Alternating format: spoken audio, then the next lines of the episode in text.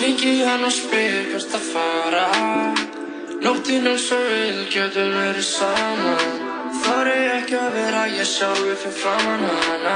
Rúla mér einan og við byrjum að tala saman.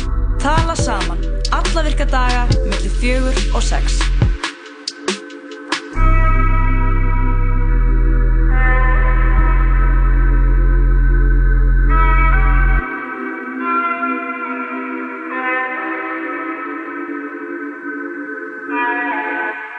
Jú, það er síðan sáttur að tala saman á þessum eh, mánudags, ja, mánudegi. Jóhann Kristófar Lóbjörg, við erum hérna með þér til klukkan 6 í dag, kæri lusandi. Ég ætla að neklinu lang, einu lagi í gangina fyrir okkur, en lengra er haldið. Þetta eru þeir Drake og Rick Ross. Lagið heitir Gold Roses, tjekkum á þessu. Yeah. I'm home now. It's over now.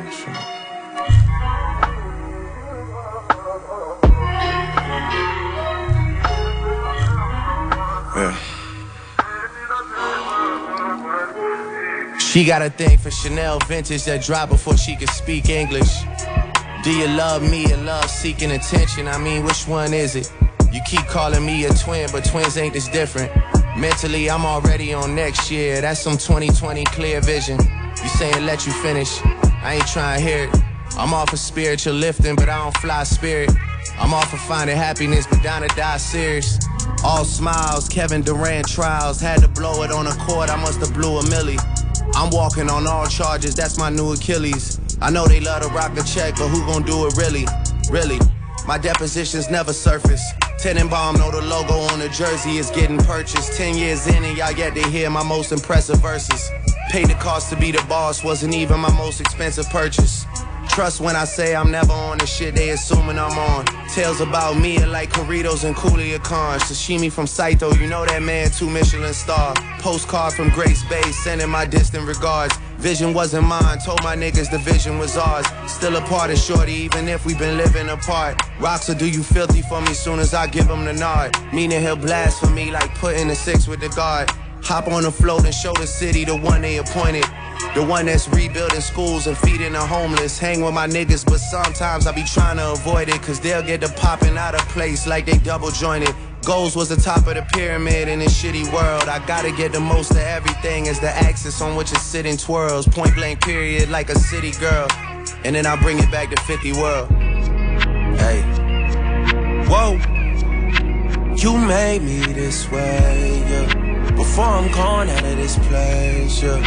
Put some flowers in my face, won't you? Let me know that I did okay, yeah. Don't wait till some other day, no, no. They let her wait till it's too late. It's too different. late. Yo, Hey. I was nominated, never won a Grammy. But I understand, they'll never understand me. A lot of lives lost, but I never panicked. A lot of lines crossed, I never did a zany. A hundred room mansion, but I felt abandoned. Love making love, but what would love land me? Jealous, so they bitches be acting like they sleeping on us. But they speaking on us, Zulus quarters, even numbers. Still blowing smoke as angels float above us. Love giving back, but will they ever love us? Chanel in the mail, FedEx from Pharrell. And what I got for sale, just sit on the scale. Triple beam dream, a buck on the shades. I really seen things give mothers the shakes. I really bought cars for women on face. I know it seem hard, but money amazing. College loans really defuckable credit. Discover cars, look back, I know she regret it. But we keep pushing, keep our foot on the pedal. In the mirror, she a blessing, rebuking the devil. Living on the edge, she keeping me level. Money come and go, I'ma keep it forever. Money come and go, I'ma keep you forever. Slip on glass slippers, a tickle with feathers. Everywhere we go, we create a dilemma. Coming to America, really the set. I let your soul glow, I'm keeping you wet. I'm a cold Decembers, I know she remembers. Forgiveness for a sinner, but is it that simple? Holding on your hands, your body's a temple. Fly you out the cans, menages with bitches. Lobsters in the prawns, start you with spinach. Bottles for the dawn, our party's the biggest. biggest, biggest. Maybach music. Maybach music. Hey. Whoa. You made me this way, yeah. Before I'm gone out of this place, yeah. Put some flowers in my face, won't you? Let me know that I did okay, yeah. Don't wait till some other day, no, no. They let her wait till it's too late, too late. Hey. Had a dream she was singing to me like Gladys Knight. True love in the projects is called paradise. All your niggas left, you wasn't acting right. But honesty itself a small sacrifice. My money bag heavy got me begging like. You moving funny, can you feel my appetite? Niggas conversations, a lot of it false. You own condos right over Carnegie Hall. Speak about your cars, but all of them parked. Your niggas money light, come out of the dark. You really are my type, it's not a facade. One of the reasons why I write, we got a synopsis. I'm always at the top of barbershop gossip. After further thought, better not knock 'em. Allocate some dollars to go out shopping. Bitch, we on the rail, it's time to stop talking. Hey. Whoa. You made me this way, yeah. Before I'm gone out of this place, yeah. Put some flowers in my face, won't you? Let me know that I did okay, yeah. Don't wait till some other day, no, no. They let her wait till it's too late, too late. Hey.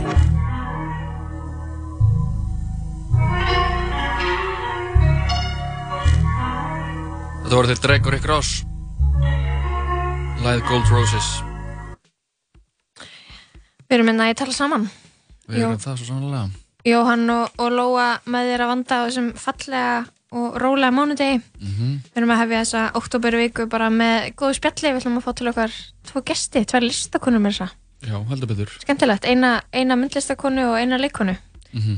Það verður hún Korkimon sem verður hérna með okkur eftir öskum og stund. Já, Hún er að fara að vera með einhverja myndlistasýningu já, meðlæsýningu, jú, jú. Ég veit ekki alveg hvar hún verður en hún kemur bara að segja okkur alltaf létta að þessu. Ok, geggjað. Laka til að spjalla við hana og svo verður hún Lára Jóhanna, uh, leikona í Shakespeare verður ástfangin. Já, Hún er aðar leikona þar. Fremsýnt á fyrstu daginn Já, þú varst á frumsýningunni, eða ekki? Ég fór á fremsýninguna Ok, geggjað. Þetta var bara rosa stemning Það ekki? Jú, ég myndi segja það Mikið af fólki og... Rísa leikkópur, svakalega flotti búningar, skemmtileg tónlist, fyndið, Og þetta er svona ens ensemble síning. Já, þetta er alveg Stór leikópur. stór leikkópur sko. Geggjað. Ég var bara á riff um helgina. Þú varst á riff, Ég, ég veit ekki, um, ég sá, jú, ég sá marga sem ég þekki. Um, það var svona, það var svona góð riff helgi, sko. Mhm. Það er hryllingsþema. emmeitt, ég fýla Um, það. Já, en svo var veit ekki hversu mikið svona, á þessari helgi er alltaf áþnirarhelgi og svona lókunarhelgi og lókunarhelgin er svona síndar verðlaunamyndinar Nákvæmlega. Og ég náði að sjá kannski svona 6 myndir, 6-7 myndir og ég var bara virkilega ánægð með það sem ég sá Á hátíðinni? Já. Ok. ég er bara ánægð að fá að sjá svona þú veist um, maður er svo mikið inn í ykkur Netflix algoritma Mhm. maður er líka inn í svona hvað vinuðin fílar sem er eins og þú frá sama landi og þú Já, og já. gerir sömu hlut og þú fílar Já, og þarna er ég bara eitthvað er ég bara sitt, sitt með ykkur um veruleika í Serbíu ekkert eitthvað endilega alltaf eitthvað blík stundum bara normal, skilur Mhm. en bara svona aðeins að fara út úr út úr sínum veruleika sko og það er það sem þessi hátíð gerir sem ég fíla emmeitt.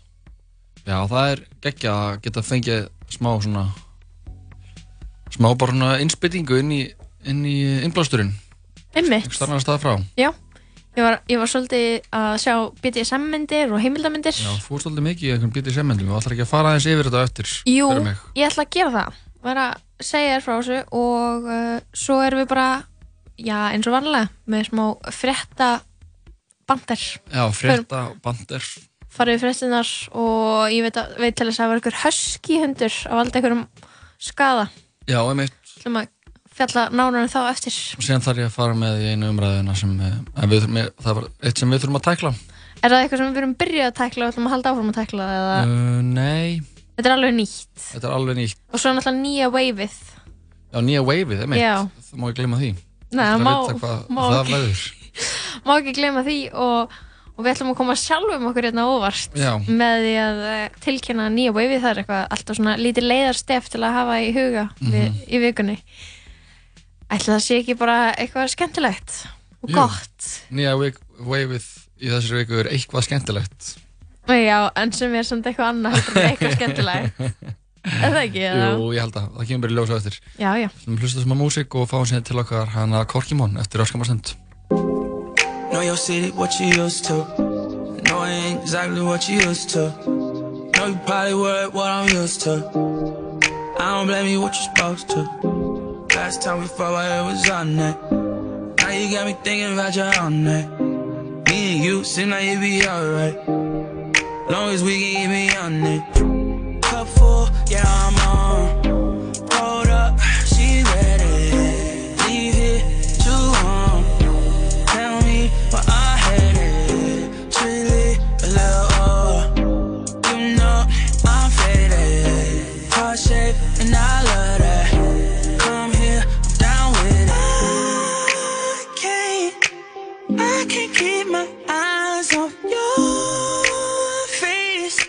Let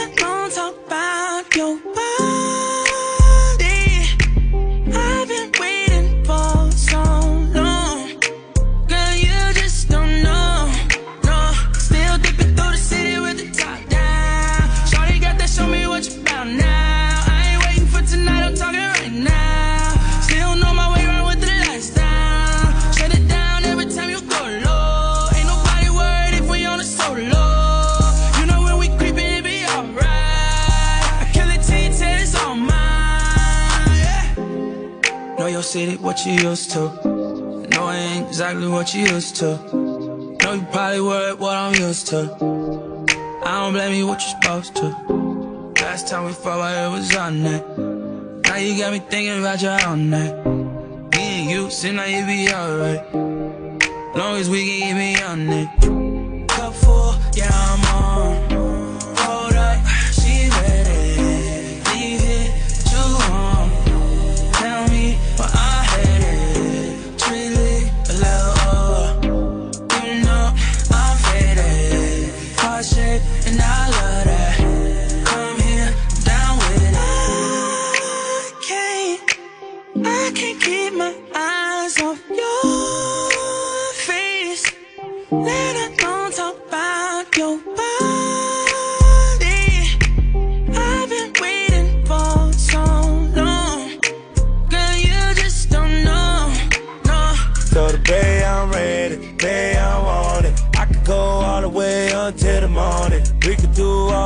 type of positions. I'ma hate sucking on my fingers while I hit it from the back.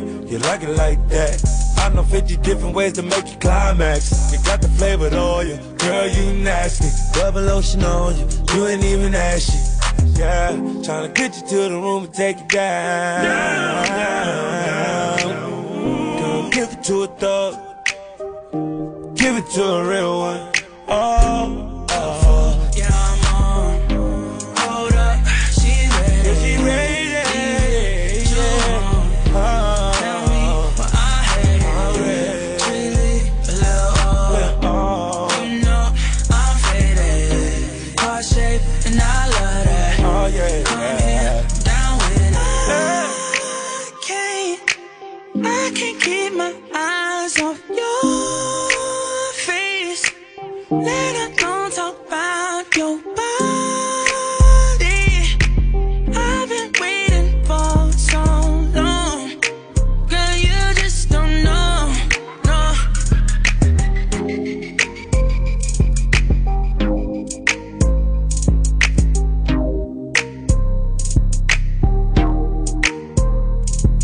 Morgun þátturinn músli, alla virka morgna með Lóða Petró og Sýðubjarti í bóði Joe and the Juice Tempóið verður hátt í Dominos deildinni í vetur. Á ekki öruglega að mæta á völlin. Dominos. Eins og boxbardagi tveggja stórleikara. Yngvar E. og Hilmi Snær samennast loksins aftur á hvíta tjaldinu. Hvítur hvítur dagur. Komin í bíó. Hamborgarabúla Tómasar, hambúrgari, hambúrgari, daglegt brauð. Hamborgarabúla Tómasar. Hleðsla. Gott bragð til að byggja upp líkamann. Hleðsla. 100% hágæða prótendryggur. Here I come. Níunda kvikmynd Quentin Tarantino Leonardo DiCaprio I'm Rick Dalton Brad Pitt Here comes trouble Charlie's gonna dig you.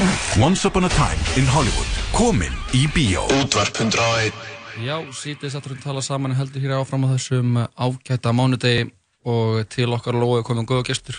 Að konan Korkimón, verður velkomin. Blessuð og sæl. Hvað segir þú gott í dag?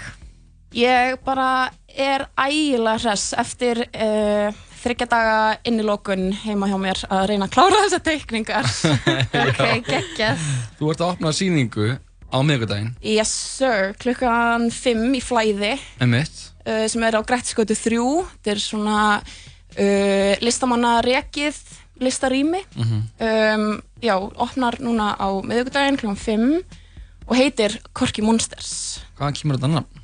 Uh, sko náttúrulega listamannamni mitt er bara Korkimon sem Mhm. að uh, ég semst heiti Melkorka og ég kalli Korka og var algjör Pokémon fan crazy kid þegar ég var yngri okay. Já, kemur það þaðan. Já, og þú veist Pokémon, Korka, Korkimon uh, sem sagt, sýstu mín og bróðu minn vilja bæði meina að þau hafi kóinað nafnið. Já, og þau já. rífast alveg mjög mikið oft um það. En whoever found it allan ég er búin að nota það sem ég var svona 11 ára. Ok. og svo hérna já, svo byrjaði ég að teikna já, Korki Monster, svo, já, þau voru alltaf að kalla mig, þú veist, Korki Mon, Korki Monster um, Meister, Já. hitt og þetta. Erstu aldrei bara kallið melkorka? Nei. Erstu bara, komi, ertu bara búin að disassociata ef þú segir melkorka, ertu bara hvern ertu að tala um? já, alveg freka mikið þannig og þú veist, þetta er typikal, þú veist, ef mamma segir melkorka, þá er bara shit Já, en ef jú. að mamma segir melkorka Katrín Já, það ertu einið. þá bara, þú veist, þá get ég bara ka kalla þetta gott, sko Oh my god, þannig að þú tengir freka við því að ég væri bara eitthvað korkmæster Já, þá væri ég bara eitthvað, Já, ég. Já, bara Kork Marathon bara. og við verðum ekki komið kork marathon, ég fíla það En, uh, en uh, þú lærið þér myndlist, eða ekki, Jú. erlendis. Getur þú sagt okkur aðeins frá Já. namninu og hvað þú lærið þér? Og... um, Sko, ég flutti til New York þegar ég var 12 ára Mhm. Bara með fjölskyldunum minni. Og var þar alveg í tíu ár. Byr, svo fór ég í háskóla, byrjaði 18 ára. Hann er Sara Lorenz og hann er svona aðeins fyrir utan Manhattan. Ok. uh, og það er fjárur nám en ég var nefnilega, ég, mér fannst ég verið svo mikið að missa af, ég var með FOMO yfir MH alveg bara svona ofbóðslega mikið, bara mér dreymdi um að fá að fara í MH Þú með New mínum. Já, og ég var bara no joke grátandi stund sko.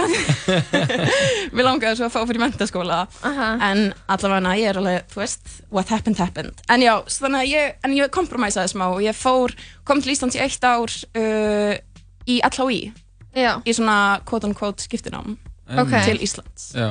Þannig að býrði ennþá úti? Nei, ég flutti svo heim uh, eftir seinasta ári mitt í 2017 já, þá flutti ég heim fyrir rúmlega tveimur árum Ok og uh, já, en ég var sérst að læra myndlist og listasögu og svona kynjafræði í Sara Lorenz Ok. að þetta er ekki, þú veist, yngöngu listaháskóli heldur hérna, þetta er svona liberal arts skóli þannig að hann býður upp á, þú veist uh, bara allt akademískt en svo líka er með geðvegt hérna art department, theater dans, tónlist.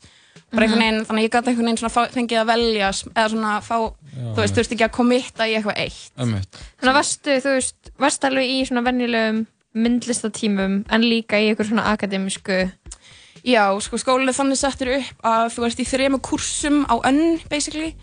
Uh, þannig að ég var alltaf í, veist, einum stúdíokurs, skúltúr eða ljósmyndun eða mála eða, veist, eitthvað. Svo var ég alltaf í einum uh, listasögukurs og svo alltaf eitthvað svona eitt wildcard, eins og eitt ár tók ég búttisma og svo tók ég þýsku einu sinni og eitthvað svona, svo Ó, eitthvað svona autobiography in literature. Já. Mhm. Eitthvað svona, alltaf eitthvað eitt smá svona, á, ég ætla bara að prófa þetta Já, já, já. og það er einhvern veginn svona án þess að ég fatta að það fylltir að þess líka rosa mikið inn í það sem ég var að gera í myndlistinni Mhm. Ömmit.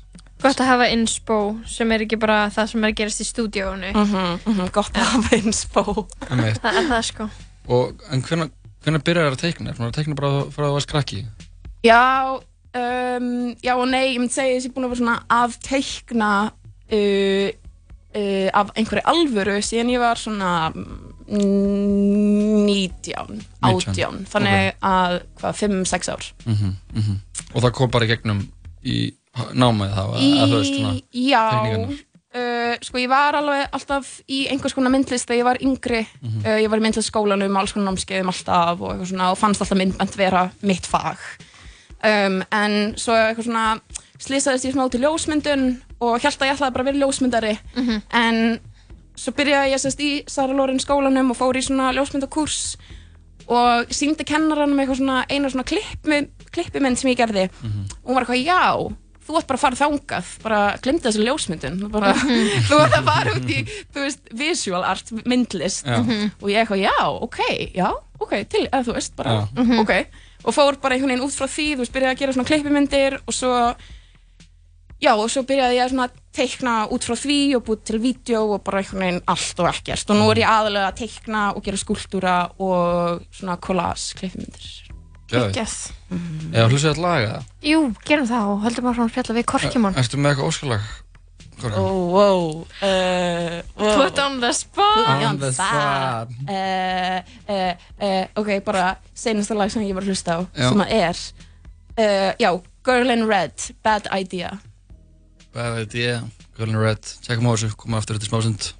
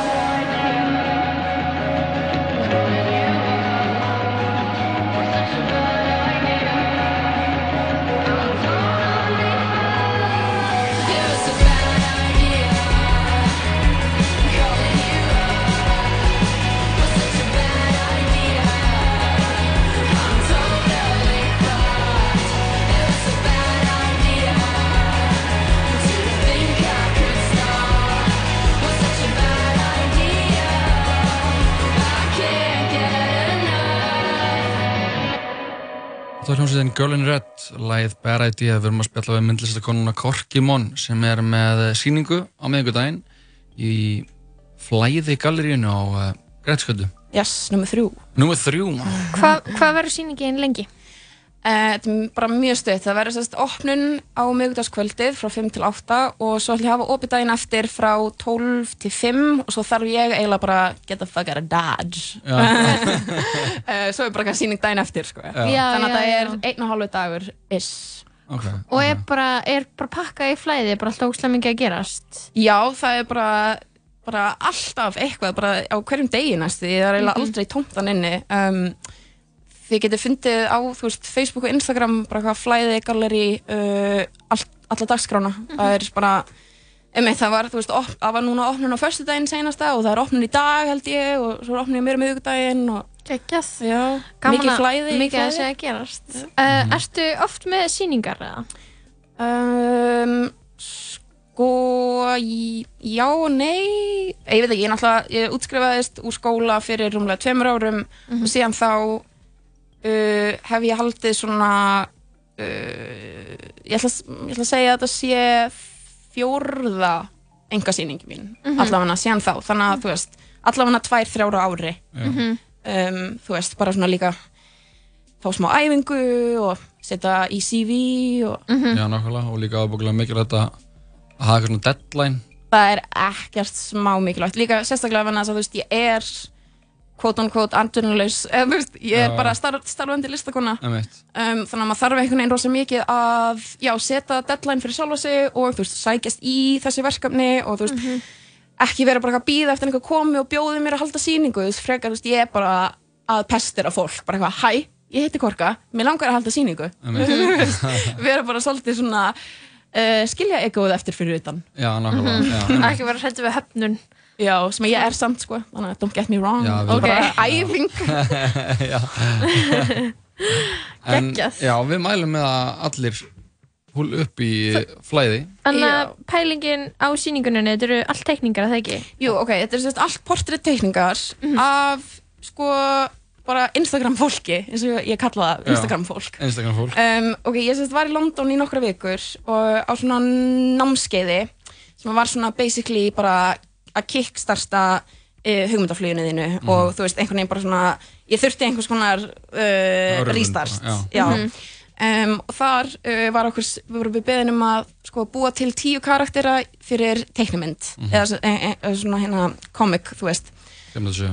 já, uh, og þannig að ég valdi veist, Instagram sem stað og bjóð til þú veist, tíu karaktera basically bara tók þú veist, tíu manneskjur sem að ég svona þekkti, þekkti ekki um, og teiknaði þau og þú veist, þau voru með eitthvað svona character traits Mhm. og svo sendi ég sendi, sendi þessa myndir á þetta fólk og þau voru svo ógst ánægð að ég hef teiknað þau og ég var bara, já, ok, og fekk svona mér fannst ekki gaman hvað þau voru, þeim gaman að ég hef teiknað þau já. þannig að ég setti, svo langaði mér líka bara að halda æfingunni svona áfram, þú veist, ég var að gera þetta mjög hratt, hratt, hratt þannig ég setti í story uh, svona skoðanakönnun eða eitthvað og sagði bara, þú veist, viltu, vilt þú að ég teikni þig Mhm. og ég var að búast við svona 30 max, 30-40 Mhm. klifti í, ég var komið með þú veist 140 og eitthvað manns Oh my god. Af- og ég hugsaði bara, ok, þú veist, ég ætla bara ég, I'll take it, þú veist, ég skal bara take this challenge Já. Og teiknaður 140 manns? ég var að telja í morgun alltaf teikningarnar ég komin upp í 136 Oh my god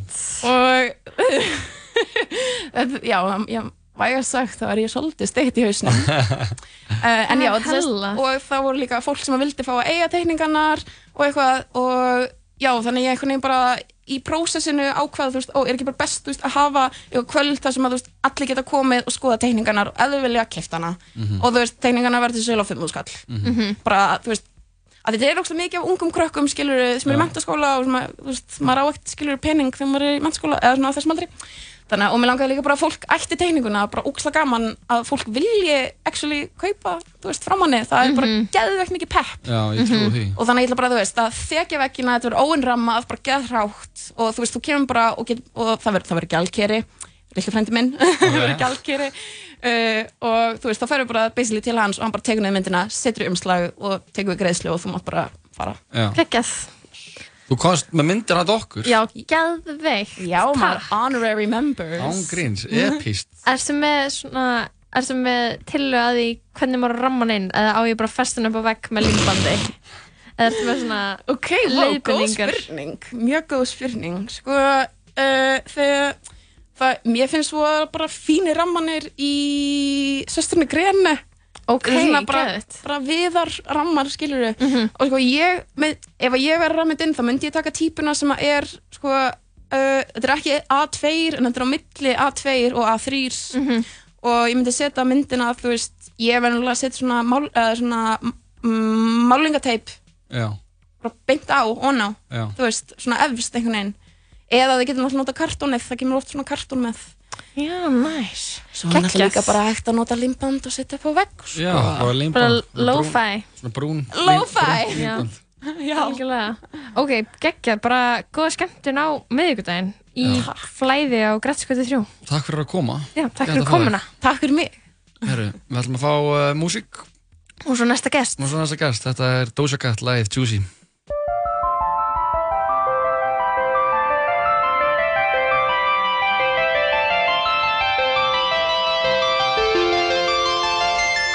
I keep it just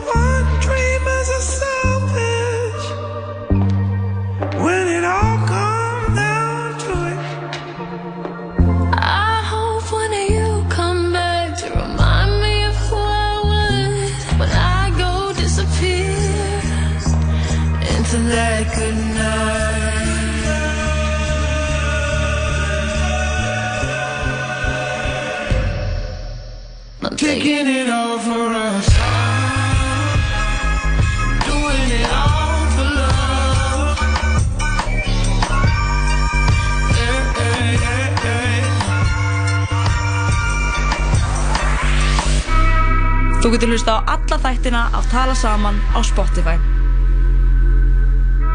Já, sítast að við tala saman hér í fullu fjöri vorum að kvæða myndlistakonuna Korkimón og til okkar er komin önnu listakona leikonan Lára Jóhanna verðu hjartan velkomin Takk fyrir, takk. Hvað segir gott í dag?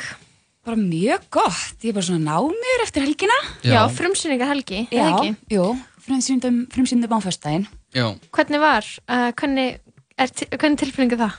Það var ógeðslega gaman. Það var svo fyndið þegar maður er með svona leiksýningum og veit aldrei einhvern veginn almennlega hvað maður er með í höndunum fyrir en að maður fær áhörundur. Já. Og það var bara svo eitthvað geggjað. Það var bara, einhvern veginn, bara svo geggjað stemming og maður fann bara svo gott væp og, og góða viðtökur og þú veist, það bara einhvern veginn er svo geggjað. Við erum kannski að taka það fram að þetta er sjálfsögur leiksýningin Shakespeare verður ástókin Já. í þjóðleikúsinu Já. eftir Tom Stoppard í leikstjórn Björns. Björnsdóttir. Já, einmitt. Þetta er fyrst, var þetta, var þetta ekki bíómynd fyrst eða var þetta bók eða hvernig, þetta er bíómynd? Já, ég held að- Bíómynd, ég veit ekki til þess að þessi til bók, sko. Nei. Og horfið þú hort á þessa bíómynd að þú fyrst þetta handrit eða er þetta? Mhm. Ég sá þessa bíómynd, sko, eitthvað tíma bara fyrir löngu síðan og hún var svo góð, þetta var eitthvað svona úskarsverðina mynd alveg. Já. Og svo horfði ég á hana, núna bara nýlega, þegar við vorum í ferlinu, einhvern veginn. En hérna, þetta er samt eitthvað... Er þetta öðruvísi eða? Þú veist, handritið, sko, er í rauninni alveg líkt, það er alveg sömu hlutinir að gerast, en, en þetta er bara miklu meira, einhvern veginn, miklu meira orka og, og miklu meira svona, heldur bara gleði og, og grín og, og Mhm. tónlist og einhvern veginn svona miklu meira sjónaspil, Mhm. finnst Já, mér, einmitt. persónulega.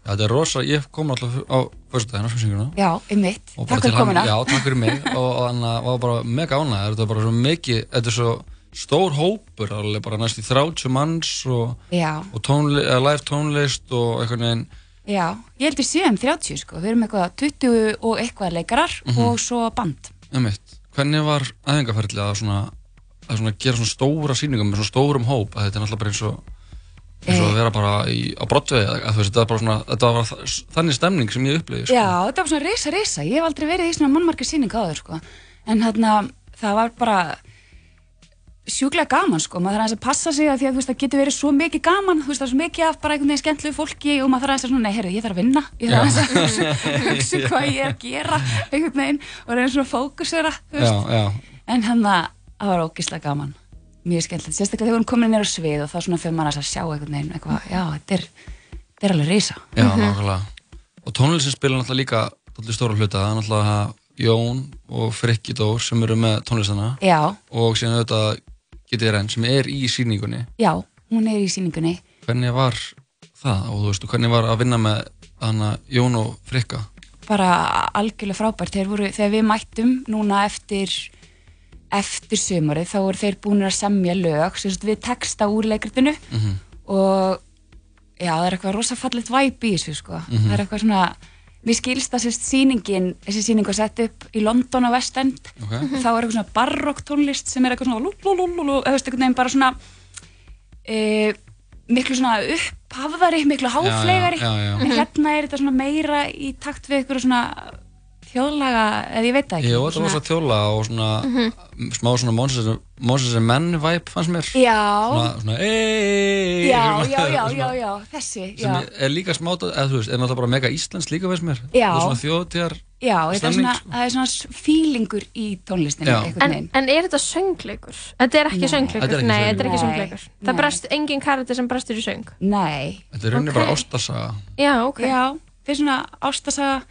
fílgút, ástasaga, samt alveg sorgleg. já, samtala sorglega og líka fyndin eða þú veist, meðast sýningin Mjög, ótrúlega fyndin sko. Er þetta, ef, ef ég elskar romcom og ég þá koma á þessu síningu? Já, mjög, myndi ég að segja. það? sko. Ég elskar romcom. Er það? Já.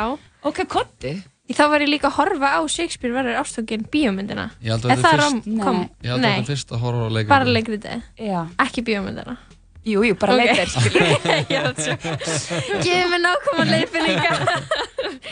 ok, geggjað. og hann Aron Már okkar besti, hann var alltaf að debutera Já. á stórsvegi þjóðleikusins Já, og nákvæmlega. hvernig var að leika mútið Aroni? Það var bara æðislegt. Stóð hann sér ekki vel eða? Jú, ekkert smá. Hann er náttúrulega bara svo, eitthvað svo góð gaur, sko. Það er svo Já. gott, þú veist, það er svo gott að vera svona í samvinnu með fólki með, sem er bara svona þægilegt og Mhm. veginn. Þið tvö eru aðalhauturski. Hver eru sér líka í þessu? Uh, Þannig að svona stór hlutverk. Er ekki, bara- er ekki ógæslega margir leikar? það er svo margir jú, það eru svo margir. Eru bara allir leikar á þjóðleikursins að leika eitthvað smá? Æðst, næstu Svona Næstu, semi. það er svona tveir eða Gói eitthvað og uh, hérna, Röstu Leo Þrösti Leo, Hansa, Jóhanna Vigdís, Hansa. fyrsta sinni í þjóðleikusinu. að það? Já, hún har aldrei verið í þjóðleikusinu. Nei, ekki fyrst skipt á æfinar, í alvegni? Já, hún Vá. var bara að debutera í þjóðleikusinu núna. Ok, það er trillt. Já, hún er alveg geggjuð, sko. Hún er að leika sér satt Elisabetu Englandsdrottningu. Ok, ég sá sögu segmyndirnar, það voru geggjaðar af Já. ykkur í búningunum, er þetta búningarnir ykkar? Þetta eru búningar Þeir eru okkar. geggjaði búningar. Þeir eru rosalegir búningar. Já, Þeir eru alveg svona þess að hvað alveg, það já, með þess að alveg bara skara fram úr hvað eru flottir sko. Alveg bara, Hver sá um búningana? Marja Ólafsdóttir. Ok, Hún er alveg bara algjör, algjör listamæður, sko. geggjað. Og gæsla flott. Herra, ég var að spá að negli eitt lag og halda síðan að fara að spjalla þess Jú, gerum það, jú. Þetta er uh, listamæðurinn Storms í lagið Crown, tjekkum á þessu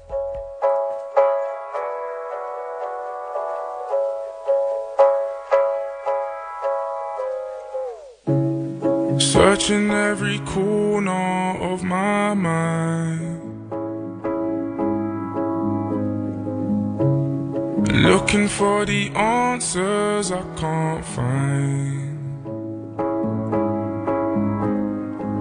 I have my reasons and life has its lessons. I try to be grateful and count all my blessings, but heavy is the head that wears the crown.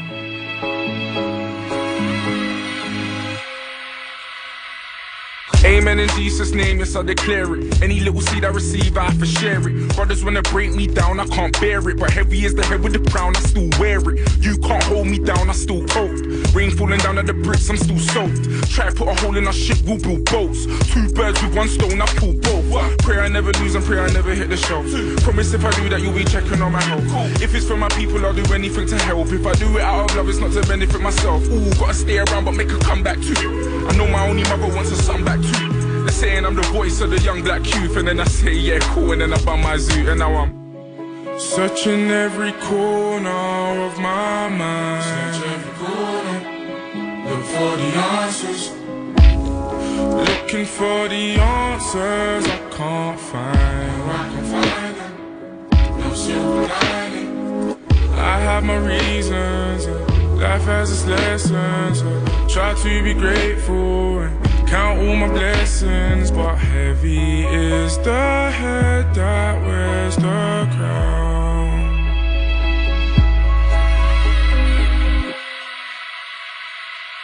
Amen in Jesus' name, oh yes, I claim it. Any little bread that I make, I have to break it. Brothers wanna break me down, I can't take it. I done a scholarship for the kids, they said it's racist. That's not anti-white, it's pro-black. Hang me out to dry, I won't crack. All these fancy ties and gold plaques. Never had no silver spoons in our mouths, we sold like. Don't comment on my culture, you ain't qualified. Stab us in the back and then apologize. If you knew my story, you'd be horrified. The irony of trapping on the Boris bag. Gotta stay alive and say my brother as well. Look at all these legends on the cover of Elle. Long time coming, but we come to prevail. I guess a little bit of heaven has to come with the hell, you know.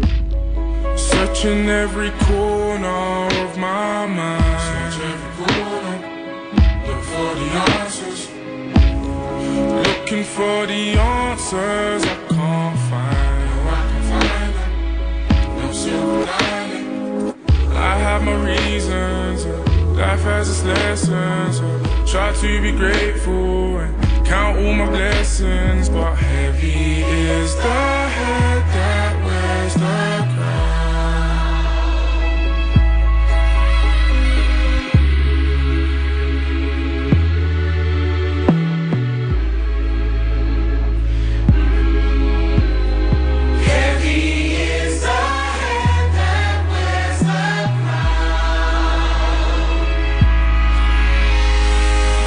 Þetta var Stormzy, uh, lægið Crown. Við erum að spjalla við leikonu Lári og honu sem var að frumsýna uh, Shakespeare verður ástfangin á stóra síði þjóðleikusins núna á fyrstudaginn.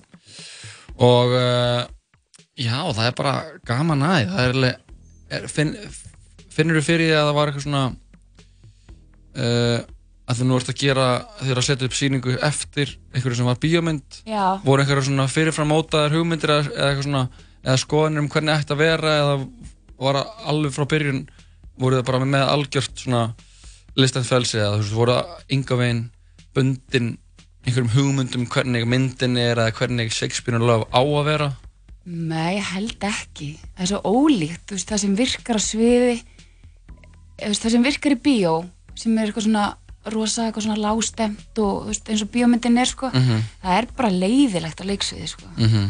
Þannig að það, nei, ég held við höfum all bara svolítið lagt upp með bara, einhvern veginn, að gera bara okkar. Mhm. Bara leikritið. Já, gera bara okkar sýningu og okkar karaktera og Hvernig? ég held við séum ekki að vinna neitt, ég held til dæmis, hún, þú veist, geta alveg verið að sé eitthvað ómeðut sem ég veit ekki um, en ég held að minn karakter sé ekki droslega líkur karakterinu sem var í myndinni til dæmis. Einmitt. Hvernig er karakterinn þinn? Hvernig típa er hún? Hún er hérna e, svona hefðar dama sem að eru verið að reyna, það er eitthvað svona vonbilar og hún á að fara að giftast og hún hefur einhvern veginn ekkert á, henni finnst allt ókslega boring bara í kringu sig og hann langar bara að vera listamæður leikari og það er á þessum tíma bara fyrirlitið, veist, það eru bara Já, það er það leggsta.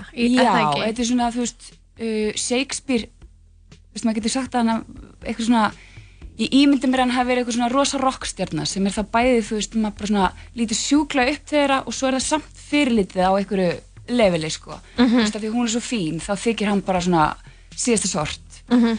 Og hann að, já, og hún bara heitlast einhvern veginn af því og fer og, og klæði sig sem kallmaður til þess að reyna að komast inn í leikhúsið Mhm. og fær hlutverk í leikhúsi og hittir William Shakespeare Og þau verða ástfangin. Shakespeare verður ástfangin. Þetta minnir hann um margt á Jónsmissan þetta draugum, er það ekki? Mér finnst þetta svona mynd, þetta myndi mig alveg eitthvað á sögutræðinu þar, það er eitthvað svona eitthvað sem má ekki Já. fara saman Jú, uh, hann alltaf, e, e, þegar e, sýningin gerist þá er Shakespeare að skrifa Rómu og Júliu já, það er sérst verið að, er sérst, sagan er um það bara hvaðan kom innblástur Shakespeare í að skrifa Jú, Rómi og Júlíu Já. Og finn, er, er Shakespeare kannski að upplega sig sem smá Rómeo og hanna konuna, Já. gæluna sem smá Júlíu, Já. fjölskyldunar eitthvað? Já. Ok. það er eitthvað svona, Ég held sko að þessum tíma, veist, að það væri, veist, leikkona og vændiskona væri í rauninni bara svona mjög svipa starfstjættir, eitthvað svona upp og, og virðingar stig, virðingu að gera og svo svona miklu setna meir, sem í nýla sem að leikkonur eru bara svona frægastar og bestar. Ég held að þessi, þess að þessum tíma þá var það sko ólöglegt því það þótti bara ósifðlegt að konur væri eitthvað, þú veist, að koma fram á leiksviði. Já. og kallar leiku þá bara öll hlutverk og svona, voru einmitt. bara fóru bara kjóla og, og leiku konur. En pottitt fullt af konum sem að pottitt fullt af konum sem leku eða skilur þú veist og eða, það er alltaf svona að maður lærir eitthvað svona í sögun eitthvað, konum áttu ekki að gera þetta og, og eitthvað svona, en ég menna svo hefur örgulega kona, það var eitthvað kona sem var einu svona páfi en fó bara í gerfi karlmanns Já, og eitthvað svona, þú veist, út af því að konur hafa alltaf svona líka gert það sem má ekki þannig að það er líka fullt af konur sem skrifu leikrit og sögðu síðan bara undir Jón Jónsson, skilur Já, það er svo góð punktur af því að maður myndi hvað sem er ekkert vita Nei, að alltaf ef að kona hefur verið virtur listamæður þá hefur hún verið að þykist vera kallmaður í, í flestum tilfellum, getur maður Mhm. ímyndið sér einhvern veginn. Mhm. að það hafi verið, af því að það var svo sjúklega bannað eitthvað. það er svo fyndið með svona að skoða hluti, eitthvað svona listasöguna með eitthvað svona nútíma augum eins og það gett að gerast eitthvað svona ég meina bara meira sem en ég verið mentaskóla þá var eitthvað, að við erum með þetta hérna skáld. Og hann giftist aldrei en hann átti besta vin, þeir voru alltaf saman. Og eitthvað, já ok hann, voru þeir kæristupar nei, þeir voru vinir ógislega mikið svona já, einmitt okay, já, þeir voru vinir, ok, og byggu saman í 40 ár einmitt, bara gekk góðir fellar vinir, já. Já, það er merkilegt að skoða svona tilbaka. Ég, ég einhvern veginn var ég, að- var ég að- í skólunum var ég að rannsaka hann Einar Jónsson uh, högmynda. Já. Hann, hann lit náttúrulega reysa þetta risasafn upp á skólarholti. Þá var ekki kirkjan komin, þá var, bara, var þetta bara eins og turn sem bara Mhm. gnæfti, Ah. yfir, gnæfði yfir öllu bara. Já, já. Og hann átti konu sem var þar og hann bjóð samt bara í Danmörku. Hann var bara alltaf þar.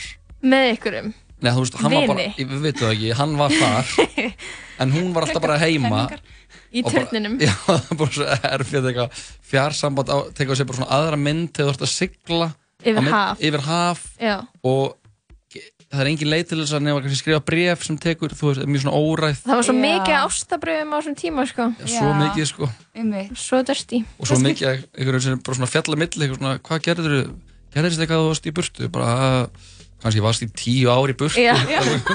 Er þetta einhvern veginn svona- hvað er hann svo frétti Já. sko bara búin að vera góð síðustu tíu árin. Oh En uh, það eru núna sýningar, er, það sí- þeir eru sýndu aftur eða ekki jú, við síndum aftur í gær í aftur í gær? Já. Og hvernig gekk? Var, var eitthvað svona annars sýningar?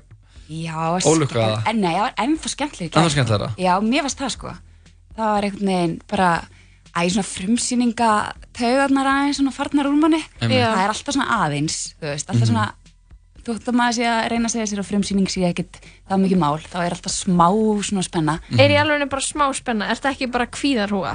Jú, ég er bara kvíðarhúa. já, ok, ég bara ég bara mér finnst það mjög ótrúlegt og maður sé bara, já, ég er frá frumsýn og stafsveginn ég er bara smá stressið Já, nei, nei, nei, nei, ég er í rusli sko. Já. Ég er alveg í rusli.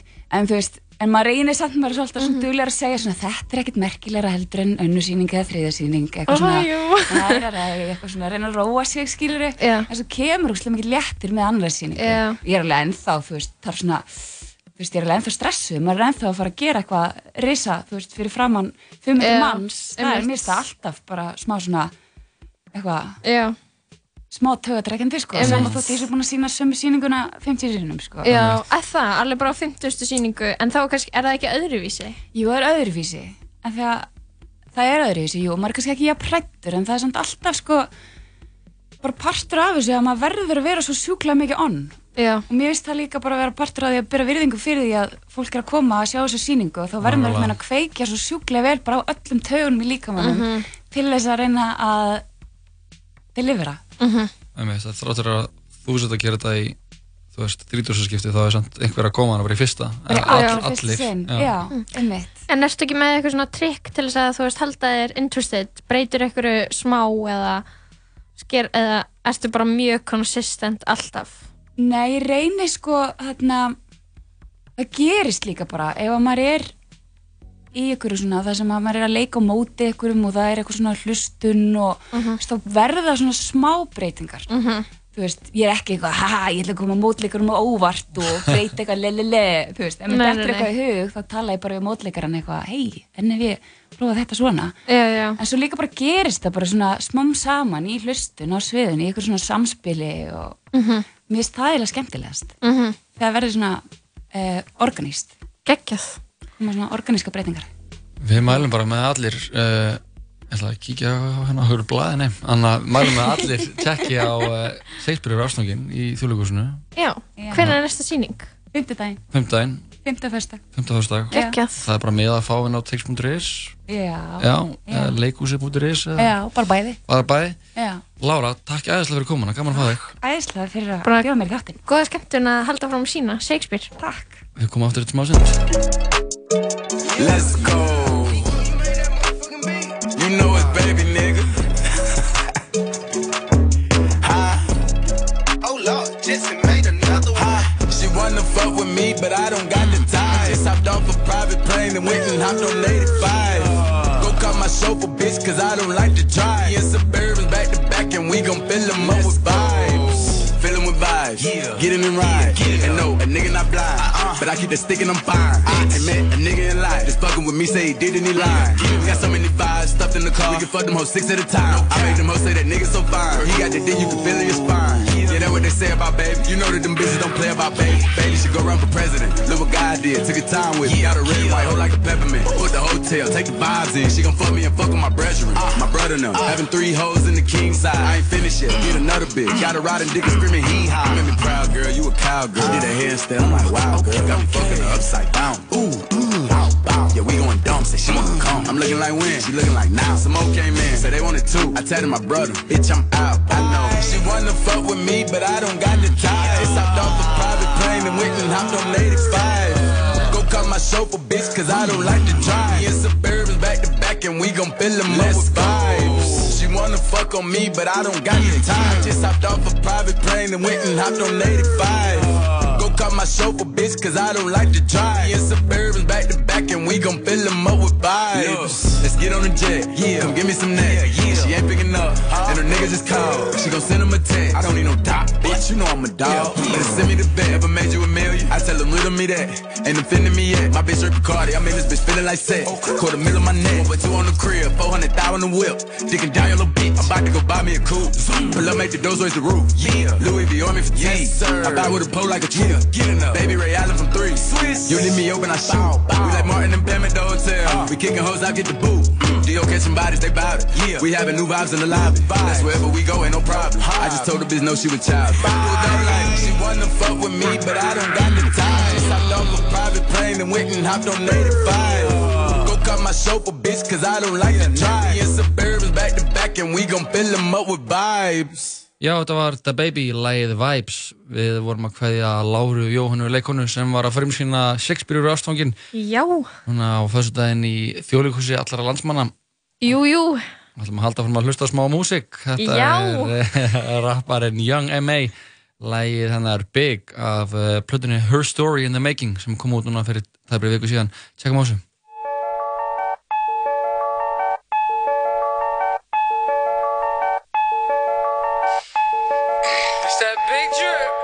Zombie on the track. I got a bunch of niggas in the studio. That's gang gang though. Everybody good over here, heard? Uh, uh, uh, never been a hater. I just stick to my paper like a stapler. Yellow bone, smoking purple, LA Lakers. And she give me pussy on the wake up. Double cup of carrot juice. Oh, that's my savage juice. I just caught the Audemars. Oh, in a paddock too. Dripping in that iceberg. Oh, in that capital. Hey, bro, don't you cup that hoe? Cause I done had it too. They said that they packing. Oh, we packing too. Uh, run up like what's popping and was bracking too. Uh, said I would get rich, they made it happen too. Uh, take a picture with your bitch and tag her too. Uh, savage mode. Uh, racket and roll. Uh, clapping a hoe. Uh, now you can go. Uh, she popping a bean. Uh, licking on lean. Uh, off white, off night. Cookies and cream. Ooh, ooh, ooh, that's that big drip. Big wrist. Big body, big whips. Big glocks. Big guap, big knots. Big goons. Small problems, big moves. Ooh, uh, sauce it up. All this drip, I can fuck around and wash 'em up. Hellcat sound like Mufasa when I started up. That's a wild body, bitch, it's hard to pocket up. Uh, like a baby leg, spark it up. Hey, homie, take your chain, it don't spark enough. Hey, take that shit back. Hey, uh, homie, take your chain, it don't spark enough. Like, what you doing? Fuck this nigga doing, bro? This nigga got cubic zirconium stones, man. This nigga really trying to stunt. My nigga, you a little nigga, you heard? You a little homie. Get your money back. Double cup of Hennessy, we call it money at. So woo, where all of my bloodies at? I took her to the crib and I had fun with that. Now come and get your mother back, I'm done with that. Yo, I just caught the pocket rocket. Yeah. For all you niggas pocket watching. Hey, uh, why your rollie tick tick tocking? Uh, I fuck her during tax season, perfect timing. I bagged your bitch in fashion over, no designer. Uh, man, I like them tatted bitches, Hakalani. Uh, I woke up in that pussy, her new name Bugatti. Uh, bitch, I got that drip, my new name Tsunami. Ooh, ooh, that's that big drip, big wrist, big body, big whips, big glocks, big guap, big knots, big goons, small problems, big moves.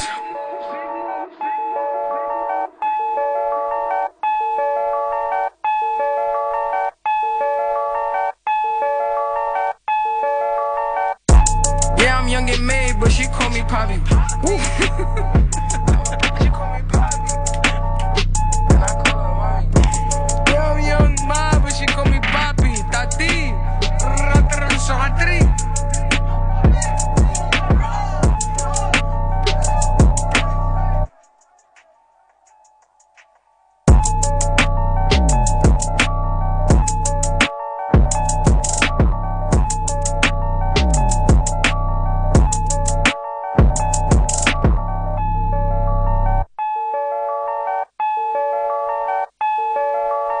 sambandinu taparu aldrei gagnamagni.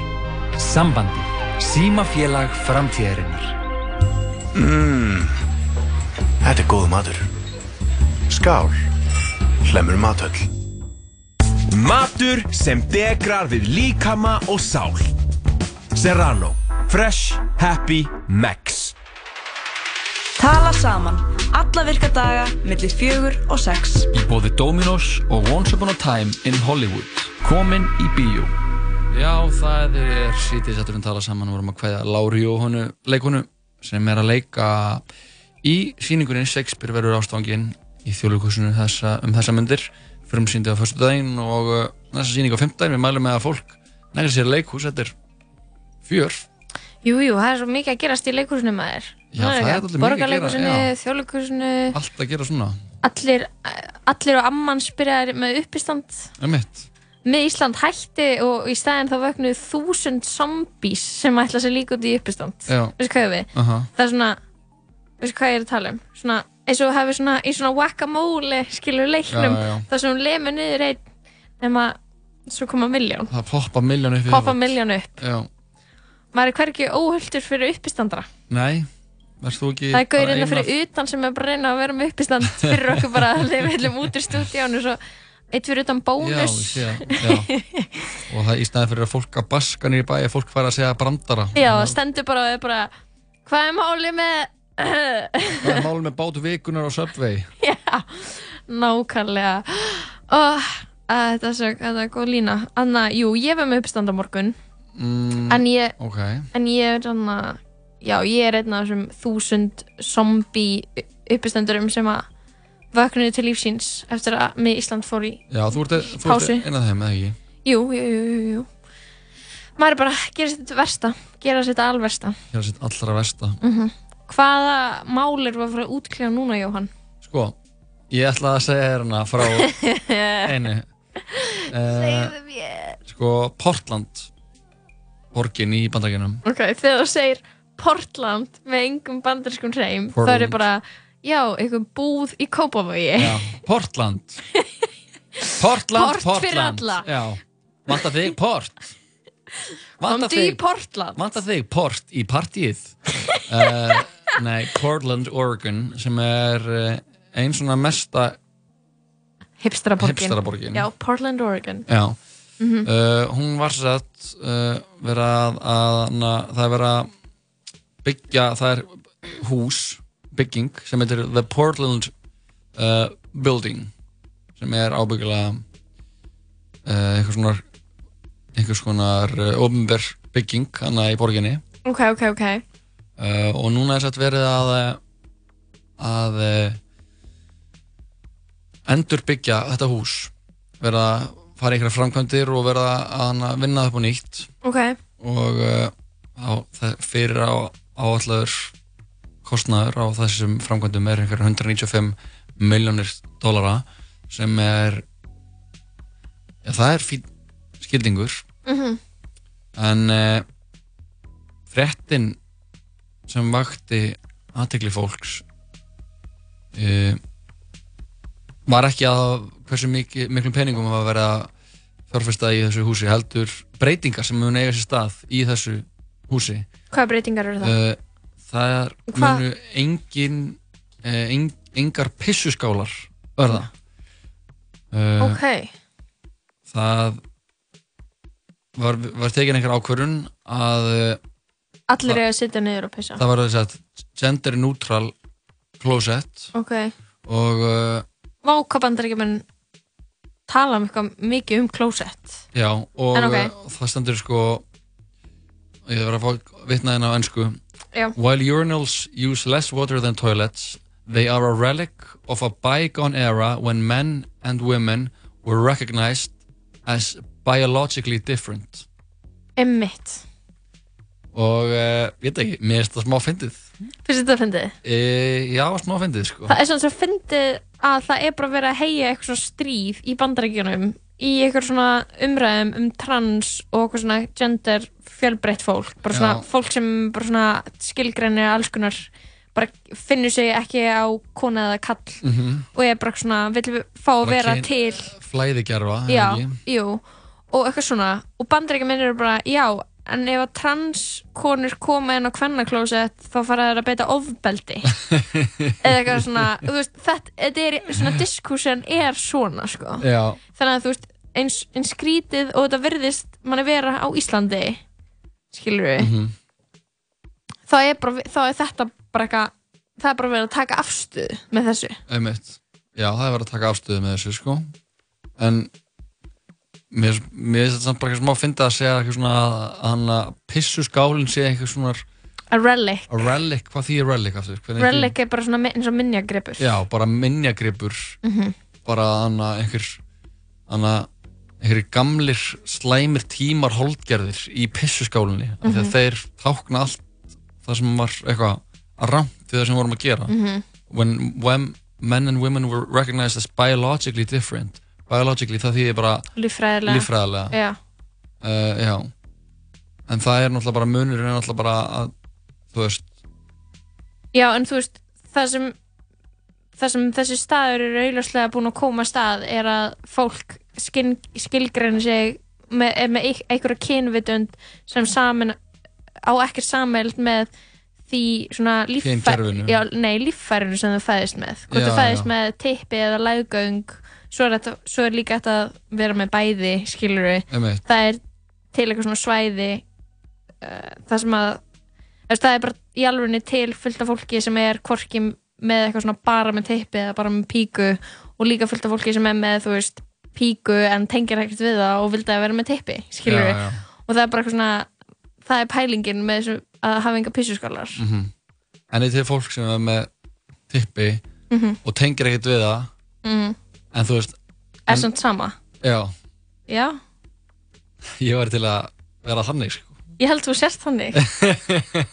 Vera svona já, ég víst, ég víst gaur tengi ekki það mikið við það en trúbla með þetta ekki það mikið heldur.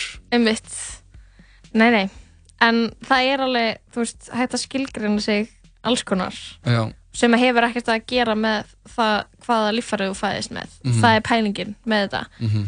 og svona, þú þurfur ekki að fara til dæmis þú bara þú veist, vilt nota kvennaklósitið skilur við eða vilt nota kallaklósitið þú þurfur ekki lengur að fara inn og eitthvað svona mæta eitthvað um bara eitthvað að vera illa tekið þar Einmitt, að fá eitthvað skrýn svip. Já, já, þá er þetta og það verður náttúrulega fyrir aðkastið eða eitthvað skilur já, hann, Joe Rogan var að posta þessu sko, hann fannst þetta eitthvað annað áhugavert Mhm.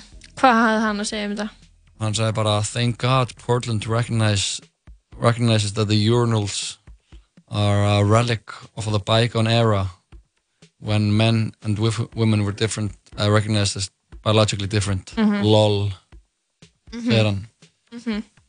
Hann finnst þetta bara Hann er kannski líka ekki í þeirra aðstöðu að þurfa eitthvað tíman að eitthvað eitthvað svona hann verða fyrir eitthvað aðkasti vegna kyntjáningar sinnar, skilur hann er kannski Nei, ég ekki alveg að tengja. nei, ábyggilega ekki sko. Svona, En- hann er svona mask-mask. Hvað er það?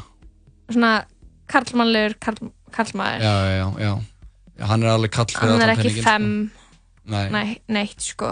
Einmitt.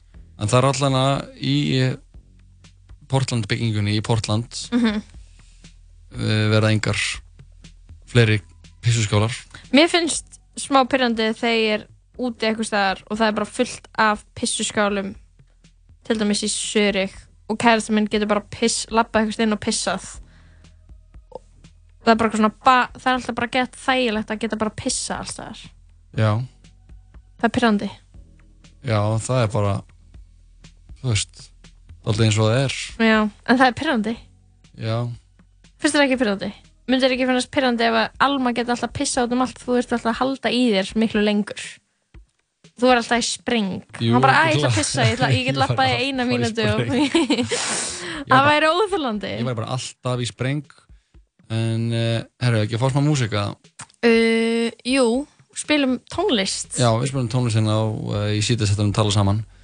Og Já. Höfum bara gaman að því. Jú, jú, og bara di- dilla sér og, og hækka í græjunum. Jú, fáum hérna eitt lag með hljómsveitinni Hipsum Haps lagið Bleikski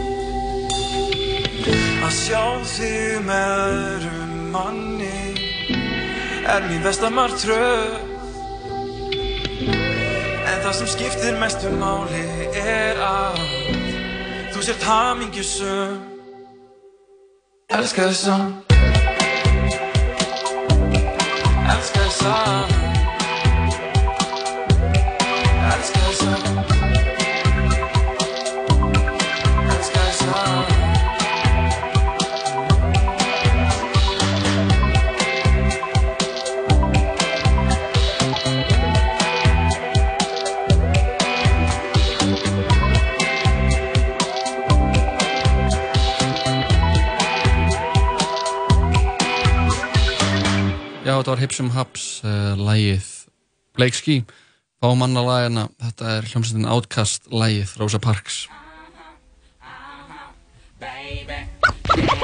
Put it up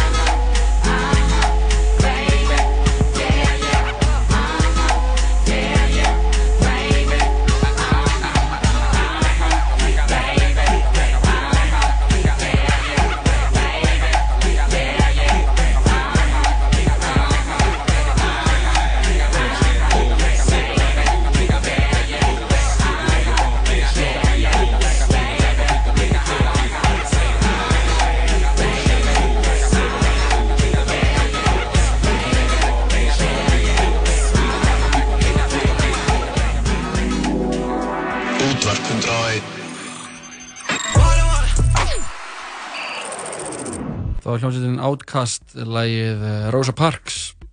Klukkan þetta er 20 minnir yfir 5 á þessum fína mándegi hér í sítið setjum tala saman. Og uh, það er komið að New Wave vikunar Jú það er svo sannlega komið að því. Nýja Hva, Wave vikunar Hvað hefur við í huga fyrir hlustendur okkar þessa vikuna? Uh, það er uh, að fara í svona hvað heita? Kyrðar Já, það er rauninni bara að fara í hugleyslu búðir. Í hugleyslu búðir? Já. Hvað uh, kemur til að þetta er nýja veifið? Uh, eh, það kemur svo hefðbela, vill svo hefðbela til Já. að góðvinnur þáttarins og skoðanabróðurinn Bergþór Másson uh -huh. var að koma úr eh, slíkum búðum. Ok. Hann er stattur í bandarækjum um þessa myndir -huh. Mhm. og eh, við ætlum bara að ringja í Bergþór og uh, fá það alltaf létta frá hann hvernig það var og, og fá smá Góðan og blæsandi daginn. Bergþór Másson Já, Bergþór Másson tala frá Baltimore í bandaríkjunum. frá Baltimore, gaman að heyri þér Ég, sömulegis, hvernig hefur kallið það? er ég bara uh, líklegast ekki verið betri, sko. Nei, er það nokkuð? Nei, ég held ekki, sko. Ég held að maður hafi aldrei, al- aldrei verið betri, sko. Við vorum einmitt að, að uh, tilkynna hlustundum þáttarins að New Wave vikunar væri að fara í hugleislu búðir Já, maður. og, Já. uh, og það er rauninni bara til heiðust þér. Þú varst, getur þú sagt okkur aðeins hvað þú varst að gera? Uh, sko, ég var í uh, tíu daga hugleyslu búðum, eða hugleyslu námskeið, þetta er ekki beint búður, sko. Ok. Þetta, þú, þú ert að læra tækni og að læra sem sagt, uh, við passana hugleyslu sem er tækni og þessi tíu dagar er í rauninni bara til þess að þú lærir aðferð sem þú getur síðan þróa með þér og eftir í restan lífinu, sko. Einmitt. Það er svolítið mikið uh, konceptið, sko.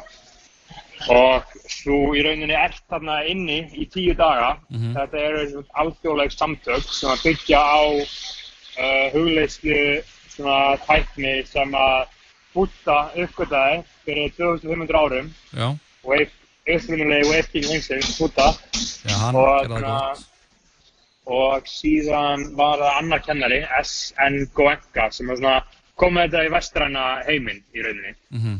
Og núna er þetta sem bara stopnun, algjörlega uh, non-profit, sem að er með svona, er með svona búðir út um allan heim. Þetta er svo, það eru 300 svona stöðvar, eða centers, miðstöðar, Mhm. 300 miðstöðar út um allan heim í 200 löndum, sko, sem að kenna allar nákvæmlega sömu, sömu tækni, sko. Og rauninni til þess að læra þessi tækni, þá þarftu að fara þarna inn í tíu daga.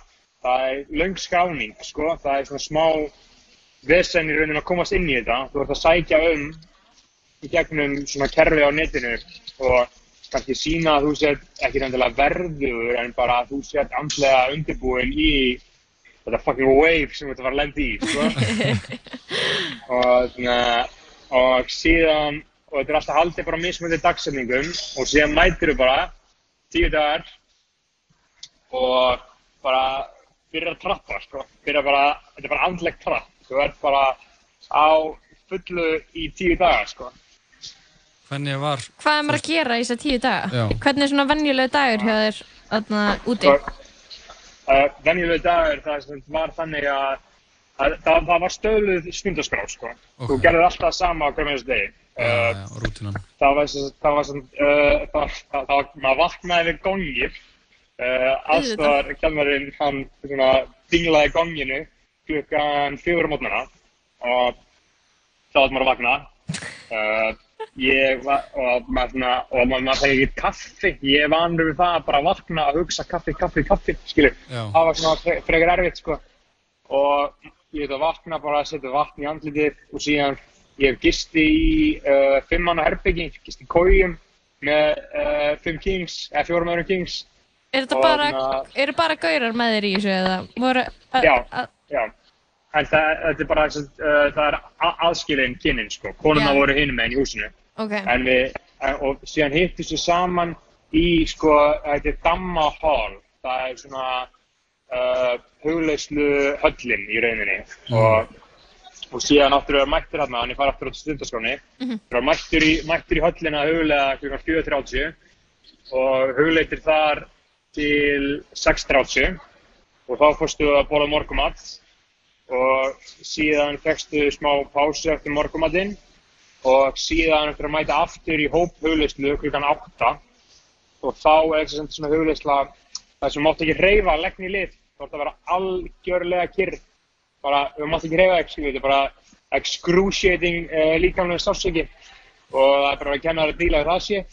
Og um, síðan það er búið klukkan 9 þá ferðu út í 5 mínútur, kemur aftur inn, til klukkan 11, þá er hátægismatur klukkan 11 fucking góð matur, svo fucking góð matur, bara yfir náttúrulega himnesku matur, bara, um bara hlaðbóla hverju degi, bara einhverju vegan jukki, Já. bara, dr, bara dr, dr, draumur í dós, sko. Va varst Og það, þarna- sorry, ég var að fara að spyrja þig í þessum, í þessum huglislum þar sem þú mátt ekki hreyfa þig, varst það aldrei neitt nálægt í að, að geggjast eða?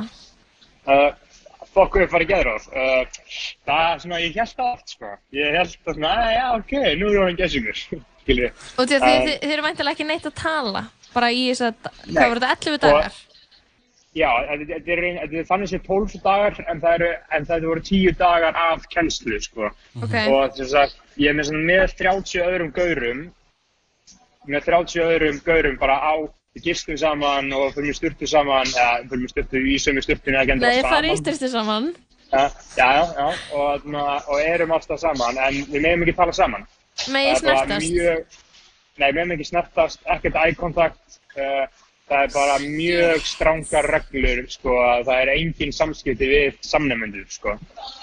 Þú ert ert þannig fyrir sjálfa þig og engan annan. Já, já, já, já, þú ert maður fyrir sjálf að engan hana, þú veist, það er engin að gera þetta til þess að þókast einhverjum öðrum, sko, Nei. þú veist, þetta er eitt, sko, það reynast sem þú getur gert upp á það, að, þú veist, wow, tíu dagar, bara, tíu dagar af, bara, sko, djúbri köfun, sko, maður er bara, þú veist, ég var þarna bara í tíu daga, opinn eins og snakk, sko, ég var bara alveg, alveg, sorry, ertu að melta núna svona þa það sem þú gekkst í gegnum og, og svona já, hugsanirnar og, hund- 100% sko, þú veist uh, ég er alveg, á fullu núna sko, að svona, uh, svona reyna að fá sem mest út úr þessu með að uh, koma svo blað sko Mhm. og þetta er líka fínt að, fínt að tala um þetta núna líka við ykkur og ég er búinn að tala um þetta við nokkra sko Mhm. uh, og ég er svona að reyna að melta þetta en þetta var bara það allra besta sem ég hef einhvern veginn gert á æfinni sko. Þetta var bara, þetta, þetta var rosalegt sko, þú veist. Þetta var bara ja, mjög, mjög erfitt að lýsa þessu sko, en þa- þannig ég haldi áfram sko með. Dagskrána, já. Já, dagskrána. Mhm. Þá þarna, var þessi hátíðismatur, það var bara himnest sko, við erum að tala um bara veislu lífsins, bara í formi matarana og, og síðan fæst smá pásu og síðan þetta að mæta aftur í hugleyslu og síðan kom aftur hóphugleysla og alltaf þrísvara dag sem ofta ekki reyfa að leggja í liði í klukkutíma sko og þú varst basically bara huglega allir niður þannig að þú veist tepásu aftur kl. 5 og síðan að halda áfram að huglega og síðan var svona hóp, svona diskurs þar sem var sýtt myndbönd með kennslu þar hann var tala hann SN Gwenka þess að meistarinn sem að kom með þetta í vestrann heim og síðan bara klukka nýju, bara slökta öllu og bara frá svo. Og þannig að þú ert í rauninni, ég var í rauninni út að huglega í sko 11 halvan klukkutíma á dag, Oh en, god. en, en síðan er pásur, skilur við, jú, þetta eru pásur frá huglegslinni, en við erum að tala um í pásunni, þú hefur um tvent að velja. Þú getur leiðið upp í rúmi og beðið um þú verður huglega næst, eða getur farið út í garð og lappa í hlingi og beðið um þú verður farið huglega næst. Þannig að ert eiginlega alltaf að huglega þó að séu Já, pásur. já, þú veist, þú, þú fæ- varst ekki að fara, varst ekki að fara að tjekka síma, en þú ert ekki með síma. Þú ert ekki með tónlist, þú mátt ekki skrifa, þú mátt ekki tala, skilju. Þú gerir ekki. Oh god, ég myndi geggjast. Ég bara... ok, Og þú, þú ert þarna bara bókstaflega orðin einn með sjálfur, skilju. Já. Í rauninni einu skipti sem mátti tala var svona eftir háti, þá kannski bókað svona viðtalstíma við uh, kennaran.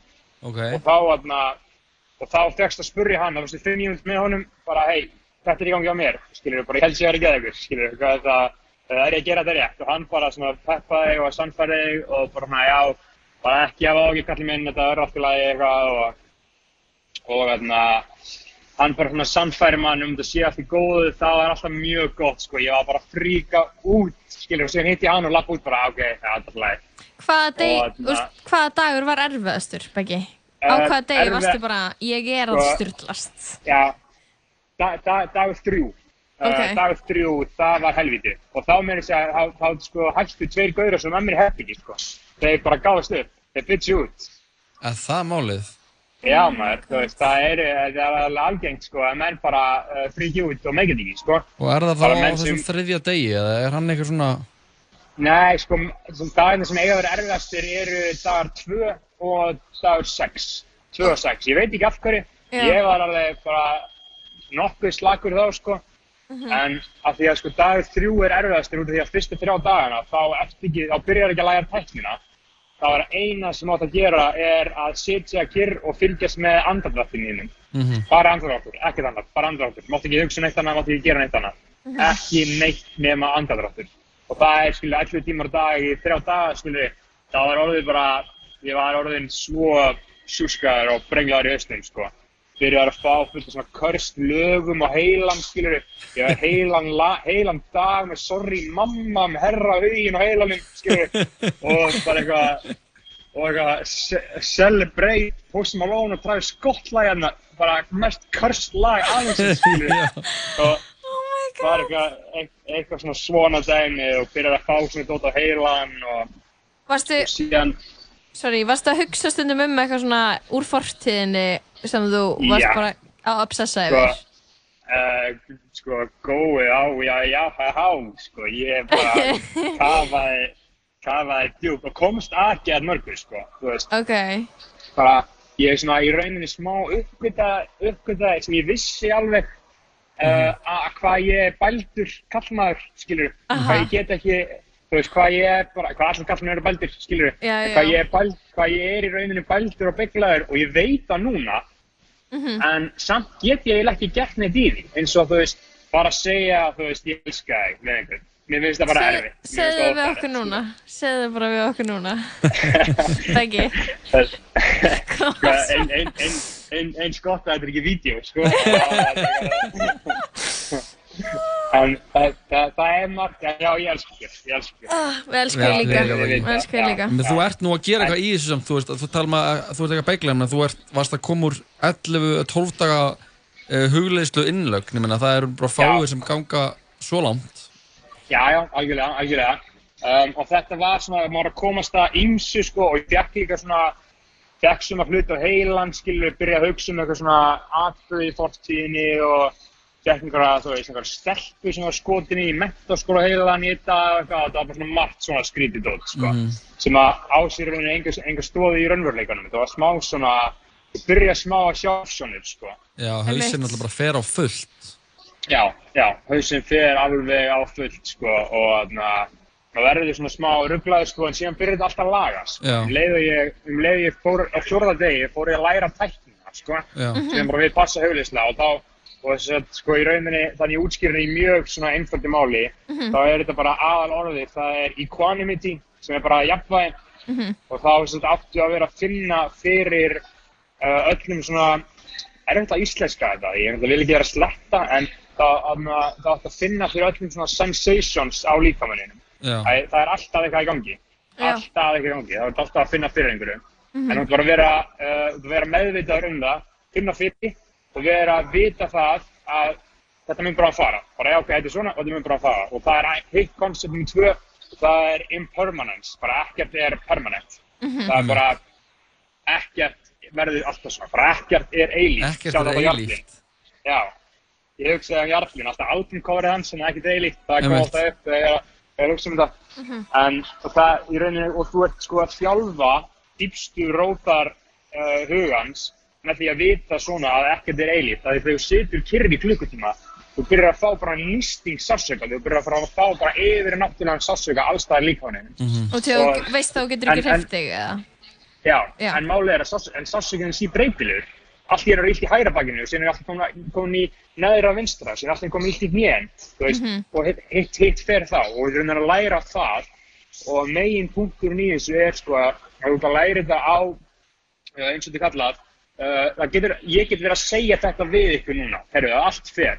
En þið vantilega fucking skiljið það ekki það, þú- þú verður að upplifa þú verður að fá reynsluna af því að allt fer. Þú farð þessa reynslu í tíu daga að ekkert er eilíft og allt breytist, bókstala allt. Einmitt. og þetta er rauninni, kennir manni það að út að, út að lifa, skilur við, þú bara í þessu daglega trappi, skilur við, þú ert bara að lappa um allt lifandi, þú ert að fara að lenda í áföllum, skilur fóröldurinn er að fara að deyja, skilur þú ert að fara að missa og bróta símaðinn, skilur við, Mhm. en það er bara nákvæmlega hvernig þú bregst við því sem skiptir máli, því það er, það sem það er, hitt er allt bara einhver ímyndun, sko. Það er bara í rauninni hvernig heili þinn bregst við því. Og með þessu ertu í rauninni að þjálfa heilaðin í að bregðast rétt við erfiðum aðstæðum, sko. Og ég er svona með svona góð myndlingingu með þetta er, sko, ok, þú veist, þú lest bók, jú, getur lært eitthvað mjög mikið, segjum svo lest bók um loftslagsmál, jú, og lærir eitthvað, en segjum svo að þú skrifir bók um loftslagsmál, skilju. Það ert að fokkin læra sér, skilju. Það er þetta í rauninni experiential reynslan sem er svo dýrmætt og mikilvæg sem að fer alveg djúpt inn í heila rætunar á manni, sko. Akkurat. Þannig að Má ég spyrja það einu bæki? Já. Þannig að, þú veist, ok, núna varst að gera þetta og væntalega, þú veist, var að fara að líða vel hana undir lokin og veist búin að læra tæknina. En þú veist, er þetta, eftir þú ert skiluru off the grid í svona langan tíma, þú veist, ferðu, Já. ferðu sp- spennufalla, ertu á bleiku skíi, byrjaður að bingja Instagram, þú veist, Uh, hvað sko, það- ma- Málið er, þeir sjá við þessu, kongaðurði við passana, uh, að sem sagt síðasta daginn, uh, tíundu daginn, þá máttu byrja að tala við samnefndina þína, na, samnefndina þína. Ok. Þá ertu með þeim í herbyggi og þeir eru ekki í hóphuglislu, þá má tala. Ok. Og þá, aðna, og þá byrja ég skil að skjalla við gauðra sem ég hafi verið með okkur um einasta degi, allan daginn, í Mhm. tíu daga og segja orð við þá. Ég hef vantilega búin að ímynda mér nákvæmlega hvað þeir eru og hvað ég gera. Búin, að, búin, að, búin að greina hvern og einn, skilur við. Mhm. Og þá, þú aðlagast raunveruleikanum með því að fá að tala við þá. Og Ok. það var svo mikil snill að Mhm. fá að tala við allar þessu gauðra. Af því að, þú veist, það er, eru allt bara, þetta eru allt bara wavelengths, skilur við. Mhm. Þú veist, þú þarft að, vera endurreistar maður til að vera að fara í svona prógram, skilur við. Mhm. En það var allt bara einhverju snillingar Mhm. bara einhverju gaurar sem eru bara eitthvað í eitthvað líf, efnafræði, að spá einhverju orku og eitthvað að reyna að bjarga heiminum og, og síðan var ég að tala við einn gaurinn eitthvað, ég var að segja hann eitthvað, ég er að fara, ég er að fara til eitthvað Peru og Kolumbíu eitthvað, hann spurði eitthvað, hei, hef ég tvæðir ayahuasca? Ég er bara eitthvað, uh, nei, en þú veist, ég veit ekki, ég er alveg opið fyrir að tekka á því eitthvað, ég er bara eitthvað, yeah, go, to, go talk to Warren, he's an ayahuasca guy. Og ég er bara eitthvað, ah, ok, eitthvað. Og síðan lappaði ég upp á Warren og hann bara eitthvað, ég segi eitthvað hann eitthvað, hann eitthvað, uh, are you uh, an, uh, an ayahuasca guy? Yeah, yeah, yeah, I'm an, I'm an ayahuasca guy, I love it. Og, þarna, og hann bara eitthvað hefur búinn að taka ayahuasca eitthvað 20 sinni, búinn að fara eitthvað 20 daginn í Amazon frumskóin á einhverju ayahuasca bingi og, og er eitthvað, og er núna búinn að koma mér í samband á Gmail við sjamaninn sinn í Peru Ok. og og þú veist, og ég er bara að fara inn í Amazon frumskóin í þessu skilur, það voru að spekka með þér. Þetta, þetta, voru allt bara eitthvað svona, þetta voru allt bara eitthvað, svona fólk, sko. Og síðan var annar gauð sem hafði rosalega áhrif á mig, sko. Hann er, þarna, hann er Tyler, jafn gammal ég, Mm. og þarna, hann er sem sagt svona loftslagsaktivisti. Hann er bara brútal á þessu shiti, sko. Hann er bara lifir fyrir þetta og hann deyr fyrir þetta. Mhm. Hann sturtar ekki niður hann pissar. Hann bara, ég sturta aldrei niður, aldrei, ég hef aldrei gert það. Gera ekki. Hann, hann, hann notar ekki þurrkur til að þurrka sér eftir hann fæ sér vatn, nei eftir hann þrjus um hendunar. Hann fyrir sturtu og er í 20 sekundur inn í sturtunni. Hann flýgur ekki, þú veist, hann, hann, notar ekki plast eða neitt, skilju, hann er bara, Einmitt. sko, og var bara einhver eitt, sko, gáfa þessi gauð sem ég bara talaði á æðinni, sko, hann bara, hann, sko, gaf tala bara í hálftíma um hvernig heimurinn er að fara að útrýmast. Eftir 70 ár þá verða allir, þá verður bara helmingurinn af heiminum bara eðlaður, skilur. Og ég, að það hafði mjög mikil áhrif á mig, sko, þessi gauður, sko, hvað hann var fokkin gáðaður og duglegur og lifa og anda þessi sétti, sko. Mhm. Veist, það- Þetta voru, þetta var, voru allt bara eitthvað svona gauðra, skilur. Ég geti já. sagt því frá tí, tíu öðrum sem að var, ég var bara eitthvað, ok, wow, einn gauður frá Lebanon bara, sem að æðsti draumurinn hans, hann er aldrei hitt Íslending á æðisinni, Mhm. æðsti draumurinn hans er að fá að vera að vinna á skipi á Íslandi um miðja nótt og sjá norðurljósin. Hann segir bara þetta er það sem ég vil mest í öllum lífinu. Og ég var bara, wow, ok, maður, shit. Við getum örgulega að vetta því. Já, bara eitthvað, bara eitthvað, ég á frændfólk í Vestmannum, skilur ekki að sjá hvað ekki gert, skilur Já, Og, Og þetta var, þetta voru allt bara eitthvað svona gaur og þessi gaur hafi verið í Kína, endalaust og það var bara eitthvað svona snill, sko, ég get ekki, ég geti að að þið viljið sko heyri mér setna, við satt eitthvað frá tíu öðrum sem voru bara einhverjum meistara það sko.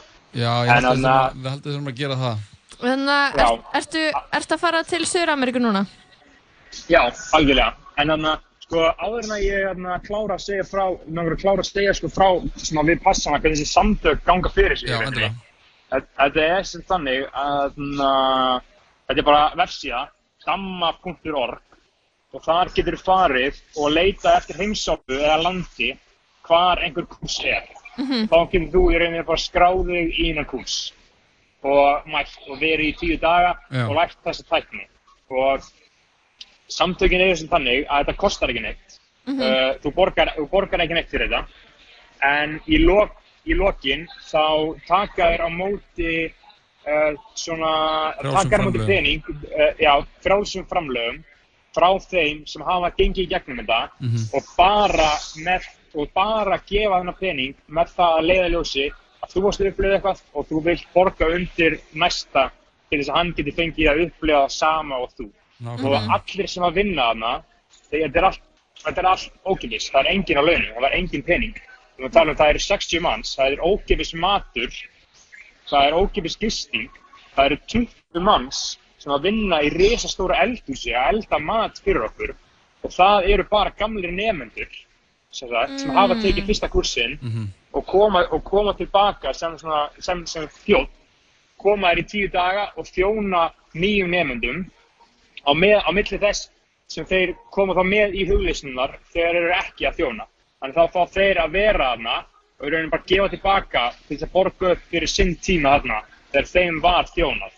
Og síðan eru kennararnir, þeir fá heldur ekki borgað og þetta er bara algjörlega magnað fyrirbæri hvað þetta er allt hreitt og góðhjartað að það eru bókstaflega allir að bara gera þetta upp á einskerra góðmennsku og það er enginn að beða neitt. Nei, það er nei, enginn nei. Skilur. Mhm. Það er bara í rauninni, ég upplifa þetta og ég vil að aðrir fái að upplifa þetta líka. Mhm. Og ég meina þess vegna ég langar mig til að vera í umbarpinu og segja frá þessu, skilur við, þú veist. Ég vil bara bókstaflega dreifa þessu bara eins mikið og mögulega hægt er að fólk bara raunverulega í rauninni gefa sér sjens Mhm. og tjekki á þessu af því þetta er sko þetta er ekkert að fara uh, þetta er ekkert að fara að raka burt allt skegg heimsins skilur og bara gera alla einhverjum svona fullkonum uh, enlightened tippum sko. Nei. en þetta er að fara að setja hlutina í svo skýrt samhengi fyrir hverjum einu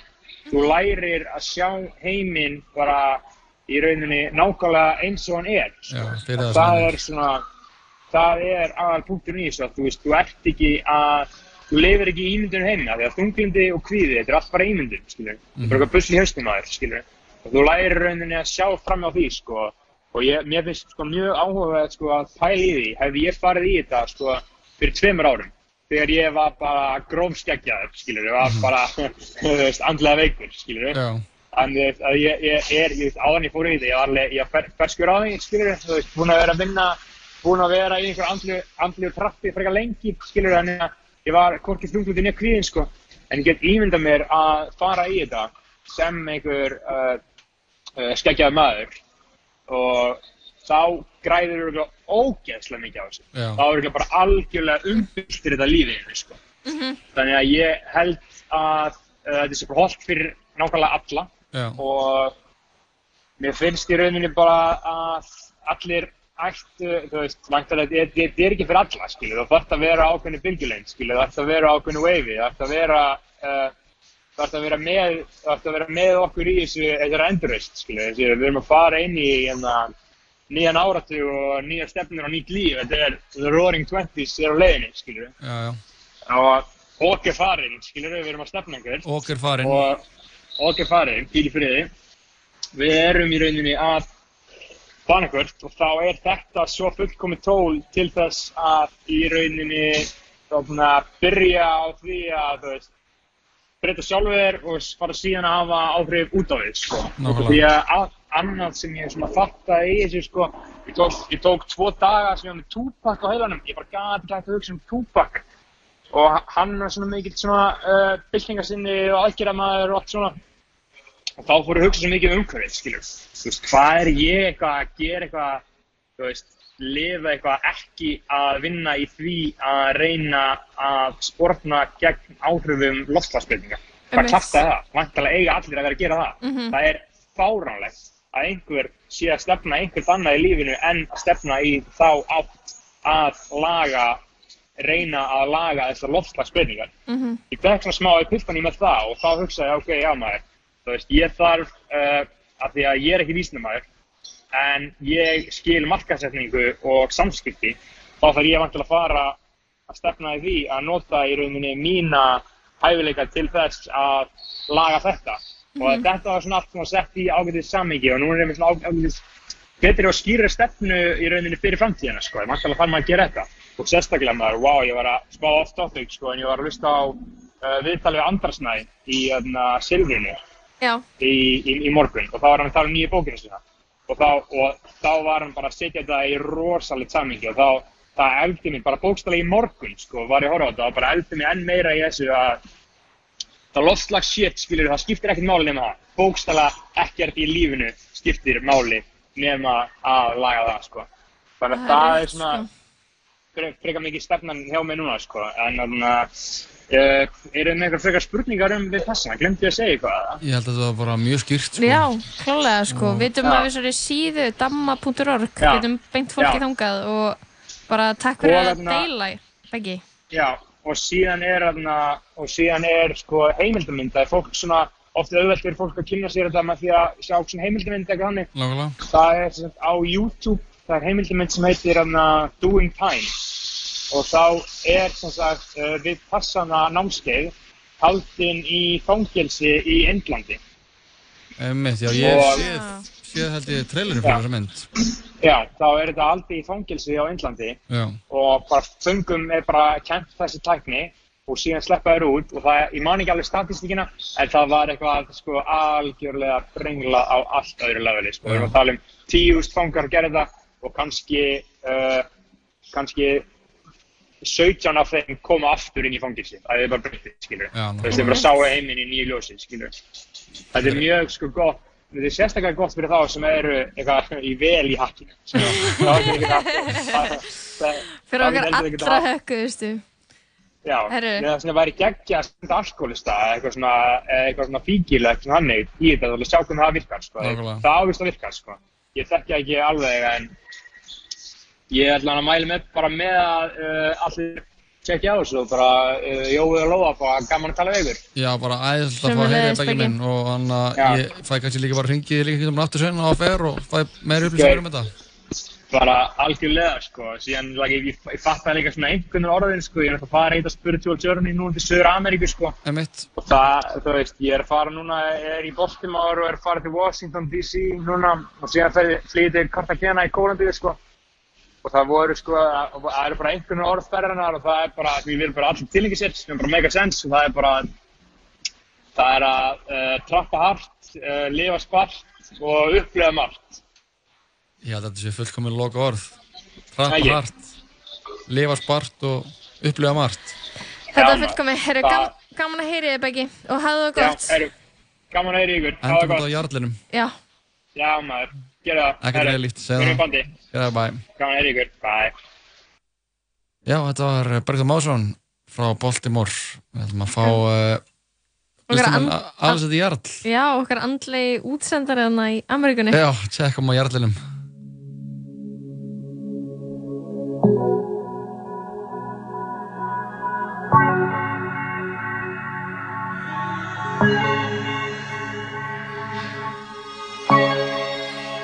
Mér er alveg sama um þig. Þér er alveg sama um mig.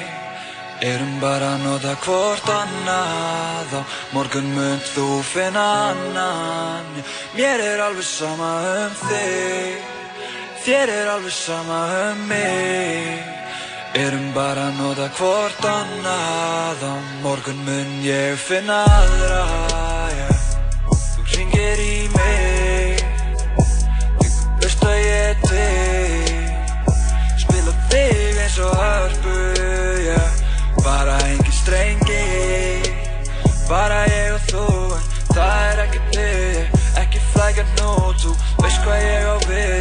Allir passa bara upp á sjálf sig.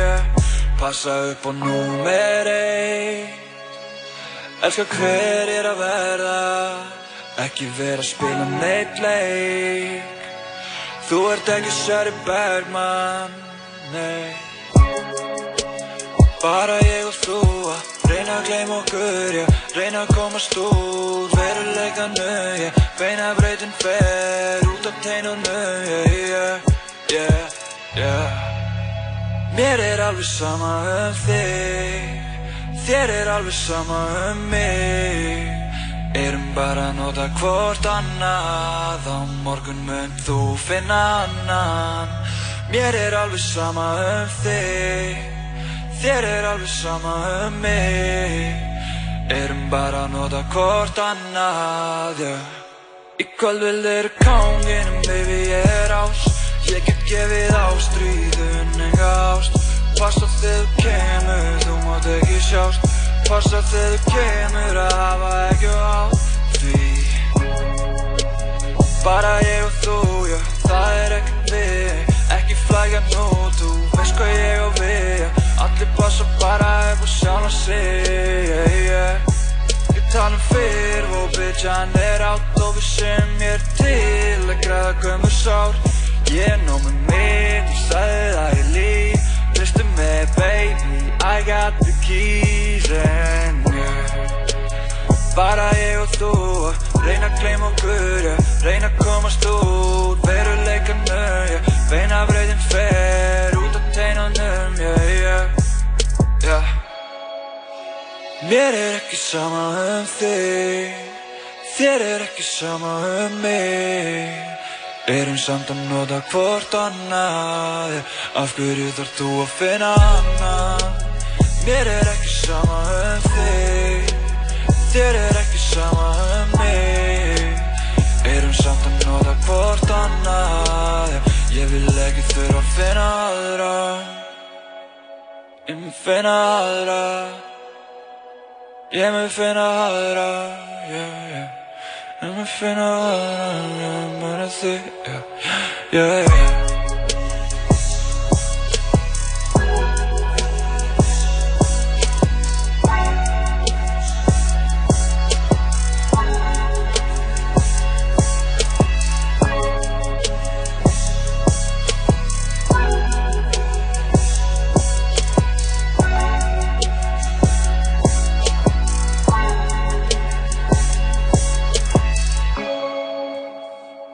Þetta er uh, Vesturbæðar Úlurinn sjálfur Alexander Jarl, lagið Hvort annað af plötunni Ekki eftir eilíft Við vorum að spjalla við Bergþór Másson frá bandaríkjunum, hann var að klára tíu daga við, passan, við passana, heiti það.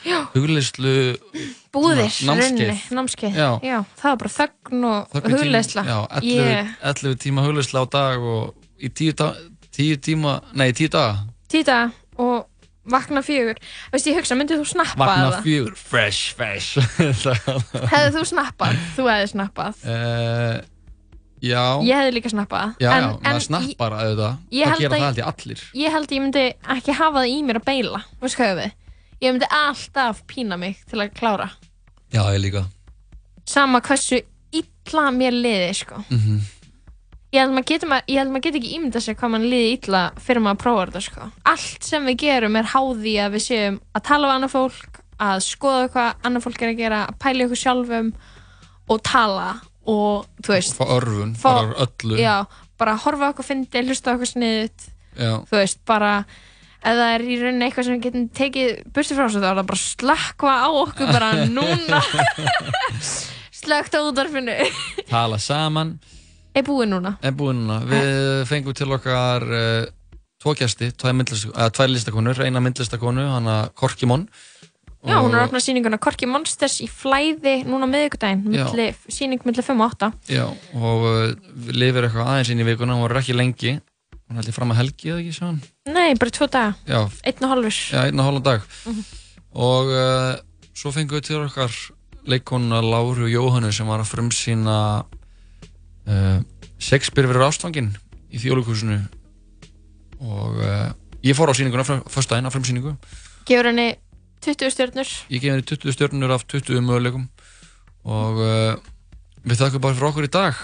Jú, það var bara virkilega ánægilegt að vera hérna í, í tala saman með þér í dag í öminn Já, sumulegis og við ætlum bara að segja bara trapp, hvað var það sem Beggi sagði? Trappa harðar. Er það? eh, Nei, trappa hart, lifa spart og upplifa margt Þetta voru einhvern orð Bergþór, Bergþórs Mássonar. Bara flott. Þetta er flott sko. Og uh, endum já, endum á einu sem ég veit að Bergþór eru þið ánægða með. Þetta er Aron Kahn og uh, lægið heitir Gerið allt, takk fyrir okkur í dag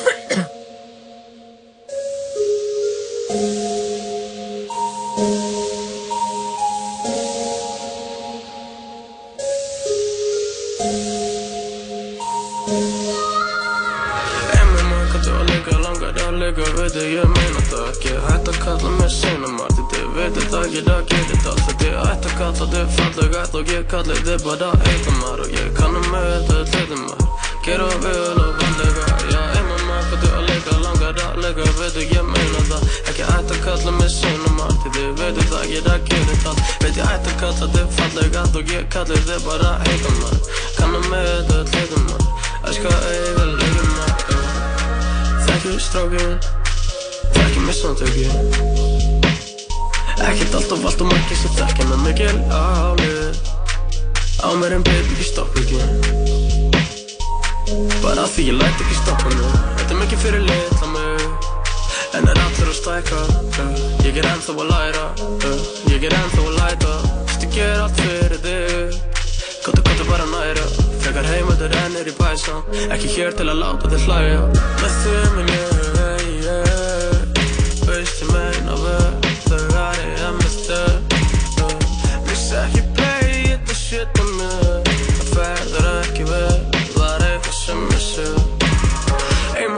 kanntu að leika, langar að leika, veitu ég meina það ekki. Hætt að kalla mig sinumar, því þið veitu það gera að gera þetta allt. Veit ég ætti að kalla þið fallega og ég kalli þið bara heitumar Kannum með þetta heitumar, gera vel og vandlega Já, ey mamma, kanntu að leika, langar að leika, veitu ég meina það. Ekki ætti að kalla mig sinumar, því þið veitu það gera að gera þetta allt. Veit ég ætti að kalla þið fallega og ég kalli þið bara heitumar Kannum með þetta heitumar, elska eiga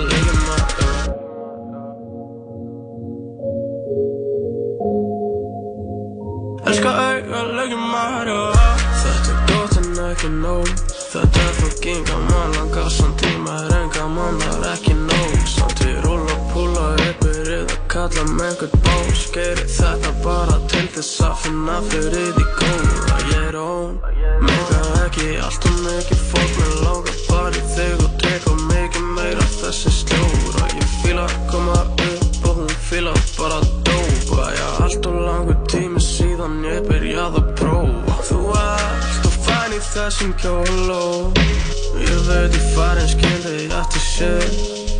Veit þú hugsar um þetta í nóg Þetta er bara ég og við erum bara við Kanntu að leika, langar að leika, veitu ég meina það ekki. Hætt að kalla mig sinumar, því þið veitu það gera að gera þetta allt. Veit ég ætti að kalla þið fallega og ég kalli þið bara heitumar Kannum með þetta heitumar, gera vel og vandlega Já, mamma, kanntu að leika, langar að leika, veitu ég meina það Ekki. Ætti að kalla mig sinumar, því þið veitu það gera að gera þetta allt. Veit ég ætti að kalla þið fallega og ég kalli þið bara heitumar Kannum með þetta heitumar, elska eiga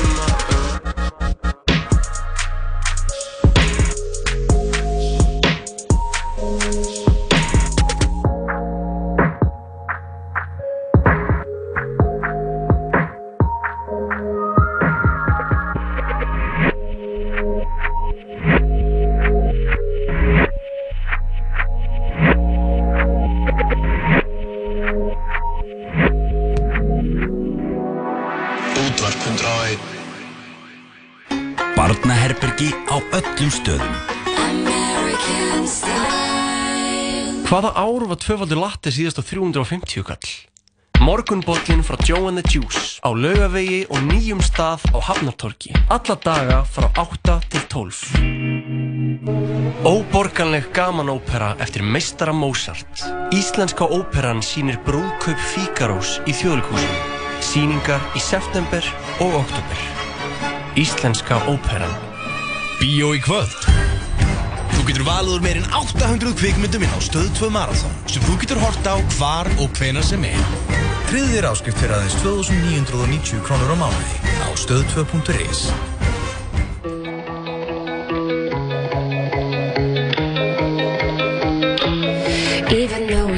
both know we're liars and we start each other's fires, we just know that we'll be alright. Even though we kicked out the party, cause we both hate everybody, we're the ones they wanna be like. So